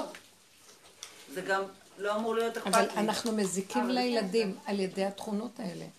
לא, כי האימא היא כל יכול שלהם. אבל לא והיא מנתקת אותה. מהקשר האלוקי באמת. של הגבוליות ושל המצוקה של הילד. צריכים לקחת את, ה, את המצוקה, ללמד את הילד לקחת את המצוקה, וליצור את המציאות שהוא חייב ישועה. במקום זה האימא מסדרת לו ישועות, והיא חוסכת לו את הכל, והיא הולכת, היא קוברת את עצמה, הורגת את הכל בשביל להיות האמצעי במקום השם. בגלות ככה אנחנו חיים. זה אותו דבר כל לקראת- הסיפור אבל עושה את הגדול זה מול בלי נו, דווקא אני בעד ממש. אז שמה זה המקום של הישועה. אם את לוקחת עכשיו, הנקודה היא צריך לדעת להת- להתכסות במין אכזריות, שילוח הקן זה נקרא, לשלח את האם. שלחי את האם, ואת הבנים תיקח לך. יש ראית מצווה יותר אכזרית מזאת? יש בה איזה נקודה שהשם אומר, הטבע אתמול הזה... אמרתי לבעלי, האמת שכאילו דיברנו על ילדים וזה, אתמול אמרתי לבעלי, העבודה שלי זה לא לעשות, נכון? לא להפריע להם. אבל הוא זה אומר לי, נכון. מה, אבל צריך גם לחנך וזה, אמרתי לו, לא, אני מרגישה רב אושר היה אומר, לא זה לחנך, לא לחנך, לזוז הצידה, מה ולעבוד עם? עצמי. זה מתחיל מזה שאיך אני נראית. אני לא מחונכת, אז איך אני יכולה לחנך? לא, הרי מה זה חינוך? לא, כי חינוך זה כאילו, אמיתי, זה דוגמה אישית. מה, את יכולה להגיד זה להם, דורש הרבה עבודה. לא, עזבי את העצבים. את יושבת בבית בסיטואציה, שאת אומרת, המוח שלי כזה קטן, יש אנשים חכמים בעולם שאני בטוחה שהם יודעים מה לעשות בהמון סיטואציות. ודי ברור לי שמה שאני הולכת להוציא מהפה, הוא כנראה לא הדבר הנכון, כאילו בטוח יש לשתוק. תשובה יותר טובה, אז כאילו, אז מה, ריבונו שלנו, מי נתן לי ילדים? כאילו, באמת, אני אומרת, וואי, אני מסתכלת על אנשים אחרים שאני מאוד מעריכה, ואני אומרת, הלוואי שהם היו כאן במקומי. והם היו, את יודעת, לוחשים לי באוזן, נו? הרבנית פישר, אם היא הייתה לי פה כאילו, באינפוזיה. אבל את לא מבינה, אלה. שיגאלו, הטיפשים, ואלה שלא הולך להם, ואלה שהם גבוליים ולא יכולים כלום, ואלה שתמיד יש להם עצות ומה להגיד, הם מאוד חכמים וזה, הם נשארו. עיניי, כי הם תמיד יודעים מה לעשות. נמצא שדווקא זה שמוגבל ולא יודע, והוא מרגיש את התסכול, מרגיש תקיעות, מרגיש את האין-אונות שלו, שם הישועה נמצאת. אבל לא- לכן לא, לקראת לא, הסוף רק לא העם. הגאולה תבוא מהעם. וברחתי ומה שאתם רוצים. ביקשת עדיין מהשם? הרגשתי טוב עם עצמי. אה, אה, אה, למה לא היה לך טוב? כי לא, כי זה עדיין הציק לי, עדיין הפריע לי זה שהיא לא נרדמת לי ומשתעלת לי ושזה מדאיג אותי ושמה אני צריכה איתה. אז למה? למה לא מפרקת את אבל זה? תרחם, כן, לא-. שכחת? לראות למה- מה מדאיג אותך. מדאיג אותי ש... אז למה את לא מדברת? תתפסי את הנקודה, תגידי, ריבונו של עולם. מה שמדאיג אותי זה... שאת לא ישנה טוב, כי יש לך רעש עכשיו, תינוק בוכה. מדאיג אותי, בדיוק. התפקיד שנתת לי להיות אימא, התרחב, לא מתאים לי, התרחבת על, התרחב עליי מדי, ואני ילדה קטנה בעצמי. הייתי ילדה, היא מלכות, היא קטנה, עליי, היא כן. לא האימא, היא- רחל, זאת לאה הגדולה. זאת היא קטנה, שני ילדים, וחצי, אחת וחצי הלכה, ברחה מפה. לא יכלה להכיל את הלידה השנייה בכלל. נכון. זה לא, היא לא יכולה, כי זה גבוליות. וזה המלכות, בת מלך. אז, ת, תראה מה אתה לעשות. חייב פה להיכנס. אני נגיד עכשיו... הווידוי דברים אתה האמיתי. ההכרה של הווידוי דברים, ההכרה של הפגם שלי וההכרה, לא לפחד ממנו עץ הדת. את מאוד, זה לא יפה, את לא זה, אין שיפוטיות, אין ביקורת, אין כלום, ככה וזהו, אז תראה מה לעשות. אבל גם עוד משהו קצת שונה. רגע, אז אם אני כעסתי, ב- נגיד בכעס שלי ב... נגיד שכעסת. לא, אני לא אומרת נגיד שכעסתי, בכעס שלי, מה אני אמורה לעשות? להגיד, לקבל את זה. עולם, אני כזו גבולית, אני כועסת, כן, מה לעשות? כן, אני כן. כועסת? ו- טוב. כן, כן, כועסת, אני ילדה קטנה. איך לא? כן. סותרים אותי, וזה באופן טבעי, משהו שיסתור אותי, כוח האש הולדת אותי כזאת, חוזר מה זאת אומרת? בחזרה. זה אפילו לא אוקיי. ו... ותגיד. לו, אני לא יכולה להכיל. תרגיע אותי. לא, מה אנחנו עושים? נעבוד על עצמנו, נהיה גדולים מעתה, ויהי לך אני משהו אחר. ממחר אני מה היה לי משהו בשיא אחר. התסכול? לא, נגיד את האמת. זאת עבודה שמודים באמת. מודה ועוזב ירוחם. הוא מכסה האמת. עובד לא, עבודה קשה לא, ולא מצליח. משהו אחר. כן, תגידי, אני לא יכול- לא יכולתי אחרת. להגיד את זה בפה. אבל כדאי לך, כן, כדאי לך להבין גם למה. למשל, כי על ידי ההבנה הזאת את מכירה שאת מחפשת צדק, ומה את מחפשת צדק? את מחכימה דרך ההתבוננויות האלה ומתחילה להרפות. כאן זה עבודה, אנשים עמלים והגיעים לריק פה. מסתובבים סביב הזמן שלהם ולא קורה כלום. אבל. בשיא התסכול, פשוט נתתי כזאת קללה. מקללת. כן, אני מקללת את הצורה ששולטת פה, אני לא נכון? מוכנה שזה ישלוט ככה. גם אני לי- פשוט קללות. באמת קיללתי. אני צעקתי, רד מה מהכיסא טיפש. לא אני קוראת. לו רד מהכיסא טיפש. זה לא השם, יש כאן הנהגה של משוגע. הנהגה של המנגנון של בלב עץ הדת לא המשוגע. כן. החכמתי מדי לראות את זה, אני אומרת לך, יש כאן מנגנון משוגע, זה פרעה משעבד, היי, זה פרעה. זהו, זה אמרתי, פרעה לא במצרים, זה מיצרים של הטבע הדפוק לא הזה. לא. הוא לא משעבד אותם. לא, זה לא השם. משהו ששבוי, אנחנו שבויים בידי לא. הקטרוג המקטרג הכי גדול, ולא יוצאים מזה. בכוח. שיש. מתי וכאשר תריד זה ה- תפרוקו לו זה מעליך. צריכים למרוד בזה, אבל על ידי מי לא סתם לצעוק, לא לא סתם. אבל יש אותו? גם על זה. זה כאילו, אנחנו, כשתמיד מדברים על זה, זה קצת מסוסבך, כי גם על זה יש השגחה. אם לא היה רוצה, זה לא היה קורה. בדיוק, אבל אני אגיד גם לכם מה לא ההשגחה. איפה כאן ההשגחה נמצאת? השם נתן לו. רשות. כביכול, זה. כדי שהאדם בבחירתו יפרק נכון, אותו, נכון. והשב יום שב. הוא ממתין מתי יפרקו את השוטה הזה, מלך זה זקן. שלנו. אנחנו אומרים בתפילה מלך זקן ואביון, אנחנו מוכנים לקבל אה, את זה. ירד שהוא עושה יורד לשחת. עד זה- מתי זה- ימלוך. משוגע. זה הבעיה הכי קשה שלנו, שכל העם, שאנחנו מוכנים לקבל את זה שהשם יכול לעשות כאלה דברים. הוא הרי לא עושה. אם לא תאמינו, זה לא לא. יכול להיות, הוא זה לא הנהגה של. השם. זה לא יכול להיות. אבא שלי אומר לי, אז לקראת הסוף על הפסוק, קבוצותיו טלטלים שחורות כעורב. שלקראת הסוף ההנהגה של השם, של זעיר אנפין הוא קרא לזה, מסתבכת לקראת הסוף, והיא הופכת להיות מלא דין, והוא משתגע עם עצמו, זה כבר לא, זה לא הנהגה של השם. זה משהו משוגע שהסתבך בעולם כתוצאה מהאדם. בחטאנו, ב- בעוונותינו הרבים שאנחנו לא קולטים ולא נכנעים ולא מוכנים להודות בכלום ולהישאר, לא, אנחנו עוד מש... מרימים ראש ושואפים לחלל, מה לא? עפנו על ניתן עצמנו כבר. ושם אין לא תיקון לדבר הזה, והשם אומר, לא הוא בוכה איתנו, לא כי. אמו אנוכי בצרה, והוא רוצה כבר שזה ייפסק, אבל זה המפתח בידינו, כי ככה הוא נתן את הבחירה. המשחק הוא כזה שבידינו המפתח, הוא יכול לעשות האמת הכל. שזה, שזה מתאים, כי הדור שלנו זה באמת... שמעתי פעם שם בספרה עם זוננפלד, שהוא הוא אמר שדור.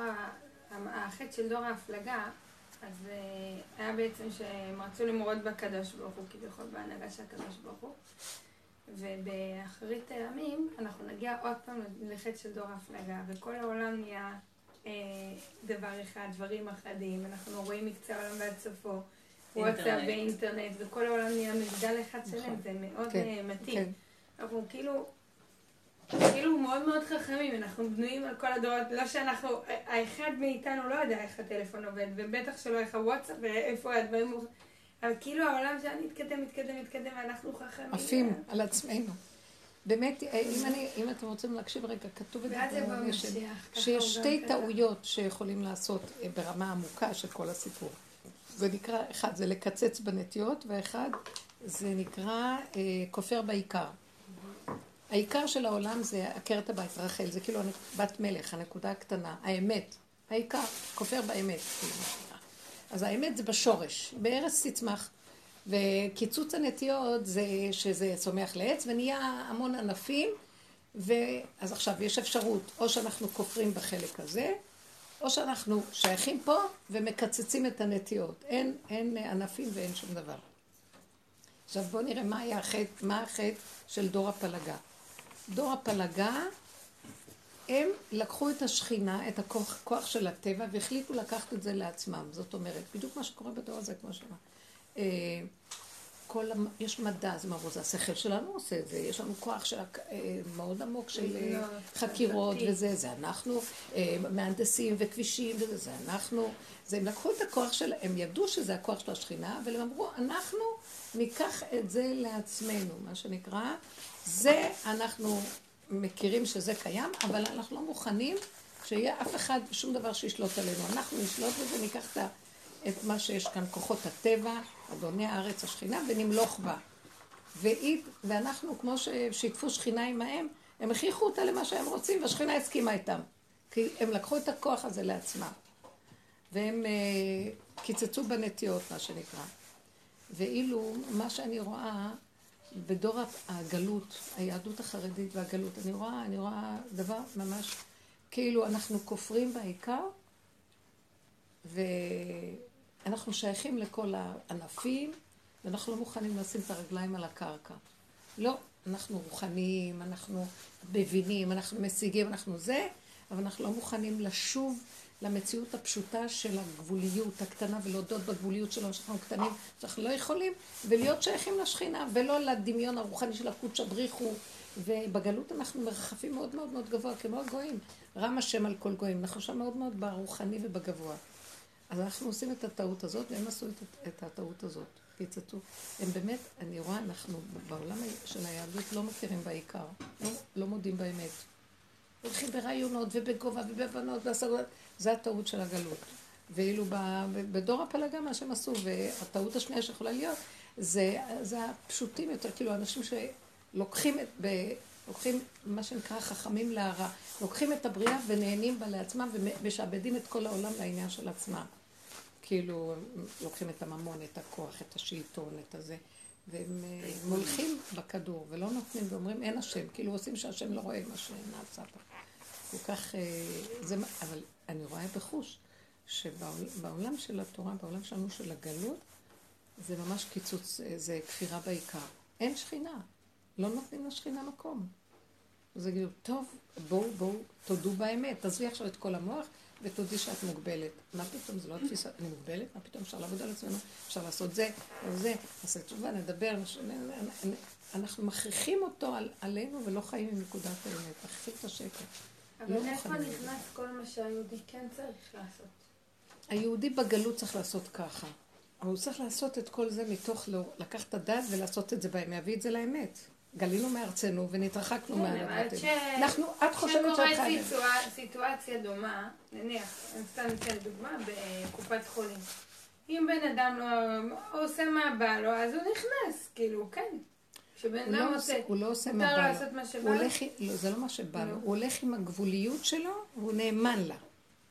כי זה מה שהוא, אין עכשיו לו מאוד במוח. בא לו להיכנס, זה הגבוליות שלו, מאוד מתחשק לו עכשיו להיכנס. אבל אני אגיד לך את ההבדל. פנחס הרג את זמרי, והוא קיבל אה, ברית שלום. הוא לא עשה מה בא לו. מה היה ההבדל בינו לבין משה רבנו? הוא בא בלי דעת, הוא, בא. מהיצריות שלו הפשוטה, בלי שכל בכלל. הוא לא עשה מה שבא לו. הדבר עצמו פעל, ושם היה השם יתברך. הוא היה בדבר. חושם שהרג את חושים, שהרג את אה, עשיו. אלה עוד מתווכחים. והוא בא ואמר, מה, אה, אה, הוא לא מבין, כזה ביזיון לסבא יעקב, מה? הלך, ערף לו את הראש. ידונו אותו, הוא בא מנקודת האמת של אותו רגע, בלי השגה, בלי הבנה, בלי מוח. עכשיו את מציירת ציור של בן אדם שיש לו מוח ועושה מה בא לו, זה נקרא הפקרות. לא, אבל בן אדם, זה ש... הפקרות. בן אדם שעובד לי עם היצרים שלו בכללי, אז הוא... אז הוא... זה הפקרות. כן, בשביל זה שהם שם לנו שכל. שהוא יתגבר על היצרים שלו. אני אתן דוגמה שקרתה לי השבוע, וזה הבדל שהתחדד לי טוב. הייתי בסופרפארם, הצפות מוצץ, והבת שלי כבר בת חמש תהיה עוד חודש, והגיע הזמן לגמול אותה, ובעלי משתגע שיש לו מוצץ. וקטנצ'יק בן שלוש, שגם הוא היה צריך... עכשיו, בעלי הוא בגישה של בילי, מוצץ אחד לכל ילד. כן, כאילו, ואם בעל אז הם ישנו, בלי לקחו אחריות על המוצץ שלהם וישמרו אותו. אני מתחרפנת, כאילו למען השם, שיהיה מאה מוצצים בבית. עד היום יש לי עוד מוצצים. שיהיה מאה מוצצים בבית, ושנאבד, שולפים אותך גם מחפור, מה עכשיו אנחנו מתחילים כולנו לכאורה לחפש את המוצצים, למען השם. בקיצור, אני נמצאת... אני נמצאת בסופר פארם, ואני מגיעה למחלקה של המוצצים, ואני רוצה, אני רוצה לקנות מוצץ. ואני אומרת לעצמי, אוקיי, עכשיו תעשי רגע חשיבה, רצון השם. עזבי, כאילו, מה נכון עכשיו? נכון שאת עכשיו שומעת בקול בערך? נקרא לזה ככה. רגע, עזבי, נותנת לו את המקום שלו בבית ואומרת, הבית הזה זה חשוב לו. אני אסוג אחורה ואקבל את הקו שלו. או באה ואומרת, אוקיי, למען השם, הנה הגבוליות שלי. רותי, תעני לא. עומדת בזה. לא יכולה, היא. אומרת, לא למען. השם, אני מודה באמת, לא יכולה לתת לו את זה. אוקיי. לא עומדת בזה. אז ריבונו של עולם, אני יודעת עכשיו, או לא כיבדתי אותו, כאילו לא נתתי לו את הבן אדם לחברו, תקראי לזה איך שאת רוצה. את ההוא ימשול, לא אכפת לי איך תקראו לזה מבחינה יהדותית, היא לא חברה אבל אני שלי. באה ואומרת, אני לא חברה שלך, זהו. שימו לב לתפיסה של הגלות. צריך לכבד את הבעל. צריך לכבד את הבעל. לא, אל תקראי לזה גלות לכבד את הבעל, קחי שיש שני קולות בבית, וצריך לחיות בהם בכבוד, אל תקראי לזה גלות. את יודעת מה שתעשי? הדבר הכי חכם, תקשיבי. הדבר הכי חכם לעשות. כשהילד בוכה, את נכנסת לבונקר, ושהוא יטפל בו. כי הוא אמר שרק מוצץ אחד. לא אז אני לא באה לדבר בכלל, אתה רוצה מוצץ גם אחד? אז. אני מנוטרלת, מה שאתה. רוצה, אני עושה. אבל אני לא שייכת למהלך. אבל את רוצה להיות היא שייכת. מה זה לא שייכת. למהלך? תסבירי אותי. אני לא עומדת בכך שאני אשמע את התינוק בוכה ואין לי מוצץ לתת לו. אני קונה. אז לכי לחדר שלא תשמעי. את יכולה? לא, אני העדפתי לקנות. אני מקווה שזה היה נכון, אני קניתי. ובעלי ראה- לא ובעלי נכון. ראה את זה וגלגל עיניים, אני ובסדר, מדברת והסברתי בצורה. שלא נראית טוב. כי זה נראה אכזריות. מה אכזריות? אני אומרת, לכי לחדר, תעזבי את התינוק, תחזרי לנקודה של אמהות, ורק ככה הוא ילמד שאת לא יכולה. שהוא יטפל, שהוא יראה בעצמו כמה קשה לטפל בכל הילדים שבוכים ואין מוצץ. אז. תקשיבו עד הסוף. האידיאולוגיה תיפול. האמת, הוא חי מתוך אידיאולוגיה, מתוך רעיון, מתוך שיטת חינוך. הוא לא חי באמת שאת ממוטטת אחרי יום עבודה ובבית מלא ילדים. את לא יכולה להכיל את הדבר הזה. אז הוא מחזיק איזה דגל של עיקרון. עכשיו, אני לא נגד, הוא רוצה לכבד אותו, אבל כשבא הדבר, זוזי הצידה, תני לו להיכנס בעצמו אוקיי, אוקיי, אוקיי, תקשיבי. דבר אני אחד. אגיד לך פה, מה? ג'ינג'י. את יודעת מה זה ג'ינג'י? לא, ג'ינג'י אני זה לא ראש שהוא יודעת. ידפוק את הראש בקיר, והוא לא ייסוג. מה זה קשור הוא אלייך? רגשן. רגשן, הוא לא... אבל זה לא מכירים, קשור אלייך. הוא. לא ייסוג. אבל זה לא קשור אלייך. אני. נשברת הרבה קודם. סליחה, באת לכאן. אז היא באה ואומרת, לא בא לי לסבול את העקרונות שלו, ואני לא, רוצה לא. יכולה. אז לא היא פעלה נכון. לא, לא, יש כאן משהו לא בסדר. סליחה. אני אגמר הרבה לא. באתם לכאן לקבל דרך בעבודה, זה לא עבודה מה שאת עושה. לא. זה לא עבודה. בוכה. זה נשמע לי בדיוק אותו דבר. את צריכה להגיד, קודם כל אני. זה מה שעשיתי. רגע, אה, בסדר, אבל זה שאת אומרת הוא ג'ינג'י, את מצדיקה. הוא ג'ינג'י. לא, זה נתון נכון, אבל מה זה קשור אליי שהוא ג'ינג'י? אני לא רוצה להתווכח, אני רוצה לכבד.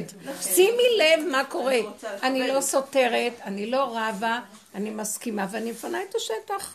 הוא צריך להתמודד עם המצב הזה שהוא מציע את האידיאולוגיה הזאת, לא אני.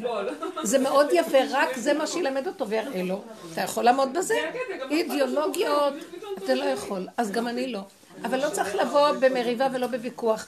זה צריך חוזק מאוד גדול, לעמוד בצד. אותו דבר בעניין שלך, שאת אומרת, אנחנו צריכים לעבוד על עצמנו, אנחנו צריכים לראות את עצמנו. עובדים, עובדים, וכל הדורות עבדו. מה יצא לנו מזה? אנחנו עדת טיפשים, נעדרי אמת, עדורי אמת. מגיע הכיפורים צועקים, אין לנו אמת, אין לנו אמת. יופי, וכל שנה אותה מחדש. אולי סוף סוף, כי שם נמצאת הגאולה. עכשיו, הנקודה שלנו היא לראות, נמאס לי כבר מעבודת השם הזאת. זה עבודת השד, רבו שהיה אומר. מה שאני יכולה רק לומר, כל עבודת המוסר הזה וכל הזה, לא, יום אחד אני קמה ואומרת, זה גדול עליי, זה אני המצאתי את זה, עץ הדת אה, המציא לי, תעבדי על עצמך, תהיי זה, תעשי זה, תשתני, תהיי צדיקה, לא רוצה להיות צדיקה, לא רוצה כלום. אני גבולית, זה מה שאני יכולה, זה מטלות ששמת אותי בעולם, אני לא יכולה לעבוד בתנאים האלה, זאת האמת שלי, ורק ככה אני יכולה. מוותרת על העולם הבא, מוותרת על הכל. האמת היא מאוד חזקה. שם מתגלה השם, אומר, או, ניצחוני בניי. כי למה? כי זה באמת, העמיסו עליי משהו שהוא לא אמיתי, ואני כל היום מנסה להשיג אותו ולא יכולה. אין אדם שבת במידות. אחר כך הייתי, כלום לא משתנה, אותו דבר נשאר הכל. ובאיזשהו מקום, את, את אמרת משהו, לכן נתת לך את התשובה, אני לא זוכרת אפילו מה אמרת. כל עבודת המידות הזאת, והשם רצה שאדם יעבוד על עצמו, וכל זה, זה נגמר הסיפור הזה. אדם כל כך תשוש, לא יכול יותר לעבוד על עצמו, והוא אומר את האמת שלו. ופתאום השם אומר, מזמן רציתי שתגיד אותה. אבל מה לעשות שאתם נתקעתם בתוך המוח הזה, בתוך הבלון הזה, והיה צריך מישהו להכניס סיכה שזה יתפוצץ מרוב האיסורים והכאבים של הבני אדם. אי אפשר להמשיך לחיות ככה. מה זה הדבר הזה? למה אני, למה אני צריכה לחיות עם בן אדם? אני לא באה, השאלה שלי למה היא, היא איך זה נקרא? רטורית. כן. שהוא ג'ינג'י, ובגלל זה אני צריכה לסבול שהוא ג'ינג'י? מה? מה זה? זה כן, כן, כן. כי זו הקללה. אל אישך תשוקתך וימשול בך. אני לא מוכנה יותר לסבול את הקללה. כשאני מורדת בנושא של הקללה, לא מורדת בריש גלי. אני לא מורדת מולו, אני מורדת מול ההסכמה שלי לשאת את העניין ולכבד. יש הרבה דרכים לכבד, זה לא דרך לכבד. כשהבן אדם השני מת וזה יהיה לו כבוד, זה לא נקרא. זה נהנה וזה לא חסר, זה נקרא. בסדר, אני מבינה, אני רק מסבירה כאן את התהליך. התהליך הוא כזה, אני לא צריכה לריב איתו בכלל, זה ברור לי מאליו. שאני לא יכולה להכיל, אני הגעתי לגבול שלי ולא יכולה. הוא לא, יש לו אידיאולוגיה והוא חי במוח ויש לו אורך רוח והרוח היא מתפשטת ואין לה גבול. אז אני אומרת, בבקשה, זאת האידיאולוגיה שלך, תטפל בזה אתה. אני לא יכולה. וכשהוא ילך, לא יהיה לי, לא יהיה לי מצפון, נכון, שהוא לא איננו בבית, חמישים מוצצים לך בי. לא אכפת לי. לא, אבל היא אמרה עוד משהו, בנקודה שהיא אמרה, את באת ואמרת כאילו תהיי מול עצמך, את לא יכולה, הוא לא רלוונטי, את לא יכולה, ואם הוא רוצה את זה, אז תתני לו. תני לו. אבל התני לו הזה משגע לה את הנשמה כי היא שומעת את הילד בוכה. לא רוצה, לא רוצה לתת לו, אז לכי. אז לכי. לא רוצה ילד בוכה, אז לכי לבונקר, אמרתי, תלכי למקום שלך. תהיו חזקות. כובשים את האמת, אני לא מבינה בן אדם, אני בעד עצמי. אני יכולה להגיד את לא מבינה, אנחנו בפיקוח נפש. אם יבקשו ממני למסור... זה נקרא ימותו ולא בחוכמה. לבית מלון, בדיוק באותו יום נמצא את המוצא, הוא לא יסבול. הוא לא יסבול. הוא לא יסבול. בדיוק. אני יותר מאמין, האמת, אני מאמינה שכשאני אחזור הביתה וכולם יהיו גמולים.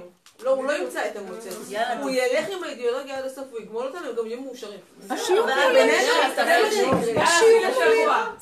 אבל אני צריכה לא להיות שם, בדיוק, אני צריכה לא להיות שם. מה שאני אומרת, תשאירי את השטח, פנוי. לא לריב, לא להתווכח, לכבד, אני גבולית לא. אבל אם את לא מסוגלת לשמוע את הבן אז את לא יכולה... אין דבר שיכול להגיד, זה אכזריות, ואין תורה, אין בתורה מקום כזה שמצווה עלינו שהשני ירדה בך כי הוא ג'ינג'י ואת חייבת למות ולסבול כדי לכבד אותו. אין דבר כזה, חס וחלילה. אנחנו מפרשים את התורה. אבל אם זה מגיע, יש כאילו איזושהי נקודת פנימית. אם זה מגיע, אני באמת לא יכולה... רק משם אנחנו מדברים, רק משם. ואם זה מגיע, אוקיי, אז בוא תראה אם אתה יכול להתמודד, מה זה מרתיח אותה? כאילו... אם זה מגיע... אני לא, אני לא משאירה לו ברירה, אני הולכת ונגמר. הוא יצטרך להתמודד, אני לא נותנת לו מוסר. אני לא לא מאפשרת לו, לא, גם לא לא הופך למאבק מוסר, כוח. אבל זה, אבל בפנים, לא, להפך. אין בפנים ואין בחוץ. לא מה שמוליך אותנו פה. זה הגבוליות, שאין לנו לא בחירה. ככה לא, וזהו. כאילו נמצאת אם תלכי, תגידי את נקודה הדלת, סוף, על זה אנחנו. מדברים. לא זה. נכון, לך נראה שזה, יש מרחב גדול שתגיעי לשם. אנחנו חותרים להגיע לשם. יצאתי, זאת כל תחזור עליי העבודה. ששקט. איך להגיע לנקודת האמת, מהי הגבוליות, מהי שאין לי בחירה, מהי שאיך שזה ככה. אם מה שאני רוצה, אני מכבדת אותו, וואו, הוא מדבר מהגובה, מרצון, אידיאולוגיות, רעיונות, אני לא שם. אה, אם אני עוזבת לו את השטח, בבקשה, קח את כל הרעיון, תלביש על המציאות הזו, אני הולכת למקום אחר. אני לא אומרת את זה להרגיז אותו, אני באמת לא יכולה. האמת מתגלה. אחרי כמה זמן הוא יגיד, את לא יכולה, אז לא. כי קודם כל זה שטח שלך. קודם כל, ברוב המקרים, לתת לה כל מיני עקרונות, וזה אחר כך להתנדף וללכת, ואני נמצאת. כאילו אף אחד לא יכול לנהל אכזרי, אותנו. זה אכזרי, אין מציאות. אף אחד לא יכול לנהל אותנו בשם לא, האידיאלים במילה שלו. דעלמא היא קובעת, שלו, דשמיא הוא. קובע. גם המילה דשמיא ועלמא התערבבו. מבחינת דין תורה זה לא נכון. ואני אגיד לך משהו, זה עובד. במבחן המציאות, כשאתה מדבר מהגבול, בפעם הראשונה, השנייה, השלישית, הרביעית, החמישית, יש איזה שריר, וזה מתפרש כמאבק כוח. זה חייב לעבוד. העשירית, זה זה הופך. לשפה. כשאני אומרת, זה הגבול שלי היום. לא צריכה פעם עשירית. לא פעם עשירית. אין על זה דיון אחת. בכלל. טוב, זה הגבול שלך. כאילו, זה הילדה הקטנה צעקה והיא שמעה. נכון. אבל כשאני אמרתי להם את האמת. שלי מהגבול, לא- לא הם. שמעו על אור החיים ושמעו. גם לא, לא אני לא. כפרתי באור החיים, כן, כפרתי בהנהגה. לא יכולה יותר את ההנהגה הזאת. נגמר. תביאו משהו חדש, אור חדש על ציון תאיר, מה? תביאו משהו חדש. לא יכולתי לסבול יותר את אבל של עוד פעם. איזה... וורטים, שמועות נאות וורטים נעים, לא יכולה כבר לשמוע את זה. מה? לי יש כרגע איזה קופצית מפגר. לא, אני חושבת אני מתראיין לאיזה כתבה שם, לכן אני עושה את זה. זה הפעם לא יודעת מה, שיגעו אותי וזה חברה שלי. טוב, דיברתי עם מישהו, אמרתי, אני אראה מה יהיה. אבל כמובן, את שולחת לי את הכל קודם, אמרתי אם אני מאשרת. היא שלחה לי. טוב, תקשיבו לי, היה לא נעים. זה לא זה בכלל. לא, לא, אבל שאני מדברת, אני מספרת כל מה שבא לי, אתם יודעים, אין לי בעיה. כל מה שאמרתי כתבה בפנים, קודם כל לא התכוונתי, כאילו, לא התכוונתי, שעכשיו... כשיצא לעיתונות. אני רוצה לשאול שאלה, למה את צריכה את כל זה באמת? יפה. למה אני צריכה? לא צריכה. לא לא אז. קדימה, אל- תיכנסי, אל תתוודע לרשות. ואז אמרתי לה, טוב, עזבי רגע, אני צריכה עכשיו בכלל מה אני עושה, אל. תתוודע לרשות. לא התכוונתי. אז ההיא, העורכת שלה צלצלה, לא, ותעשי לי טובה, וזה כל כך חשוב, כי אם לא את, תעשי מישהו אחר, וזה לא יהיה טוב. וואי, איך הם, הם צדים אותך, תזהרי. צעדו אותי, ואני כדאי. אמרתי, איך נפלתי לשם? אסור ממש לך. ככה. אל תתנו. תדעו לכם, אל תתוודע לרשות, זה הדבר הכי נכון. הם לא ישר. הם חותרים, כי הם צריכים כתבה והם צריכים לסדר את העניינים שלהם ואת הקורבן לא. מה? שיגידו. שאת כזאת חכמה. ואומרת, אנשים יגידו את זה, למה לך? אז זה תודה אחרת פה. את חיה בתודה אחרת, ופה זה עולם נכון, של אני תודה אחרת. אל תתוודע לרשות. ועכשיו היא מסבירה לי, לא, שזה ממש לא. לא יפה, תהווים מודל השראה. כן, מה את רוצה שיהיה מישהו אחר? שקר וכזב. שנים אני בכיתי, שאני לא פעם הייתי מפורסמת והיום לחימה כלום. אז אמרתי. תודה להשם, תודה, תודה בכלל הכל. מתה החשיבות, לא חשוב. ראיתי, הרגו אותי פה, דרך. אותי לשמוע את. הדברים. אבל מי שבא ושומע ומתמיד ותופס נקודת אמת, זה מחיה אותו. והאמת הזאת מתחילה להיות נפוצה בעולם. בלי שם ובלי במה ובלי פרסום ובלי כבוד. ותודה להשם. כי אני יודעת שאני לא הייתי יכולה לעמוד בביקורת אחת. תראו מה שקורה היום לכל הראשים האלה, הורסים את כולם. לא, לא, אין אחד זה הזמן שלא לפתוח תיק. נראה לי שזה הזמן כבר לפתוח סמינר, הבת שלי בכיתה ז', את יכולה באמת. להתחיל.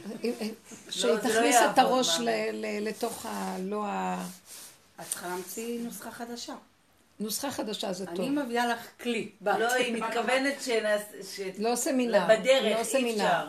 לא. לא home. schooling. תעשי. מערכת של home schooling. נכון. תפתחי את זה, ואני ניסיתי עוד כל כך הרבה שנים קודם ולא הלך. לא. כי אמרו, ומה יהיה עם השידוכים? זה לא ילך. בעולם שלנו זה לא ילך. זה לבד בבית. זה עוד ייקח כמה שנים. הרבה. לא צריך, לא צריך. בנות שער. ירקות, שמה יש כל הסיפור הזה בנות. לא, גם... אין מערכת שלא תבני אותה. והיא תיכנס לתוך הממסדיות הזאת ותלך לאיבוד. זה בולע, אין מה לעשות. אבל זה יחידה, זה לא- מלא מלא סיומים, כאילו האחים שלי והגיסים שלי, וכולם, כל אחד עושה ומזמין. ש"ס. ואת פשוט רואה איפה נמצא המקום שבו בן אדם יושב בראש השולחן וקורן אור, הוא ירק דם על זה, והוא קורן אור, ואת רואה שהשמחה שלו היא מבפנוכו, וזה כל כך לא מזויף. ויש את האירועים המכובודים, כן, ומדברים כולם בלשון הקודש, כן, די. ומכובודים, ואת יושבת שם, את מורות את שערות. כן. ואת סיום אני עשיתי? מאירו ואויו. הסיום אני אמרתי אצלנו הוא התבסס על שלושה לא עושים. דברים, רק לא, לא, שתבינו. לא לא. בשר יין אנשים ומוזיקה. כבר אה, קולטים את מה שקורה. הכי שמחנו בעולם. אבל הבסיס של הסיום היה בשר, יין ומוזיקה. כאילו, הכי. בואו תהנו מהעולם. הדיבורים, ואנשים נעמדים לנאום על כבוד המקום, וכבוד אכסניה, וכבוד התורה, וכבוד... כבוד כבד עליי, תגידי לו. כבוד- הופך לעמוס כי הוא כל כך גנוב. עצבן אותי, ראית איפה האמת, וראית איפה... אבל זו התבוננות תמידית, כי באמת אנחנו חיים בתודעה כזאת. אבל הקץ שלה מגיע, אתם לא רואים? הכל מבולבל נורא. כל העולם רוכש, והימין והשמאל, והחור וכד- והקדם. אף אחד לא יודע מה ואיך. לפני כמה דורות גם לא היו נותנים- כאילו, הכל וירטואלי. אבל גם לפני כמה דורות לא היו נותנים במה לכל הסיומים האלה של הדף היומי, יחסית לאברכים שלומדים כל היום. תחשבי על זה, זה גם תודעת שינוי. זה גם תודעת שינוי, זה לא היה תופס, למה את חושבת? זה לא היה תופס, כי... לא.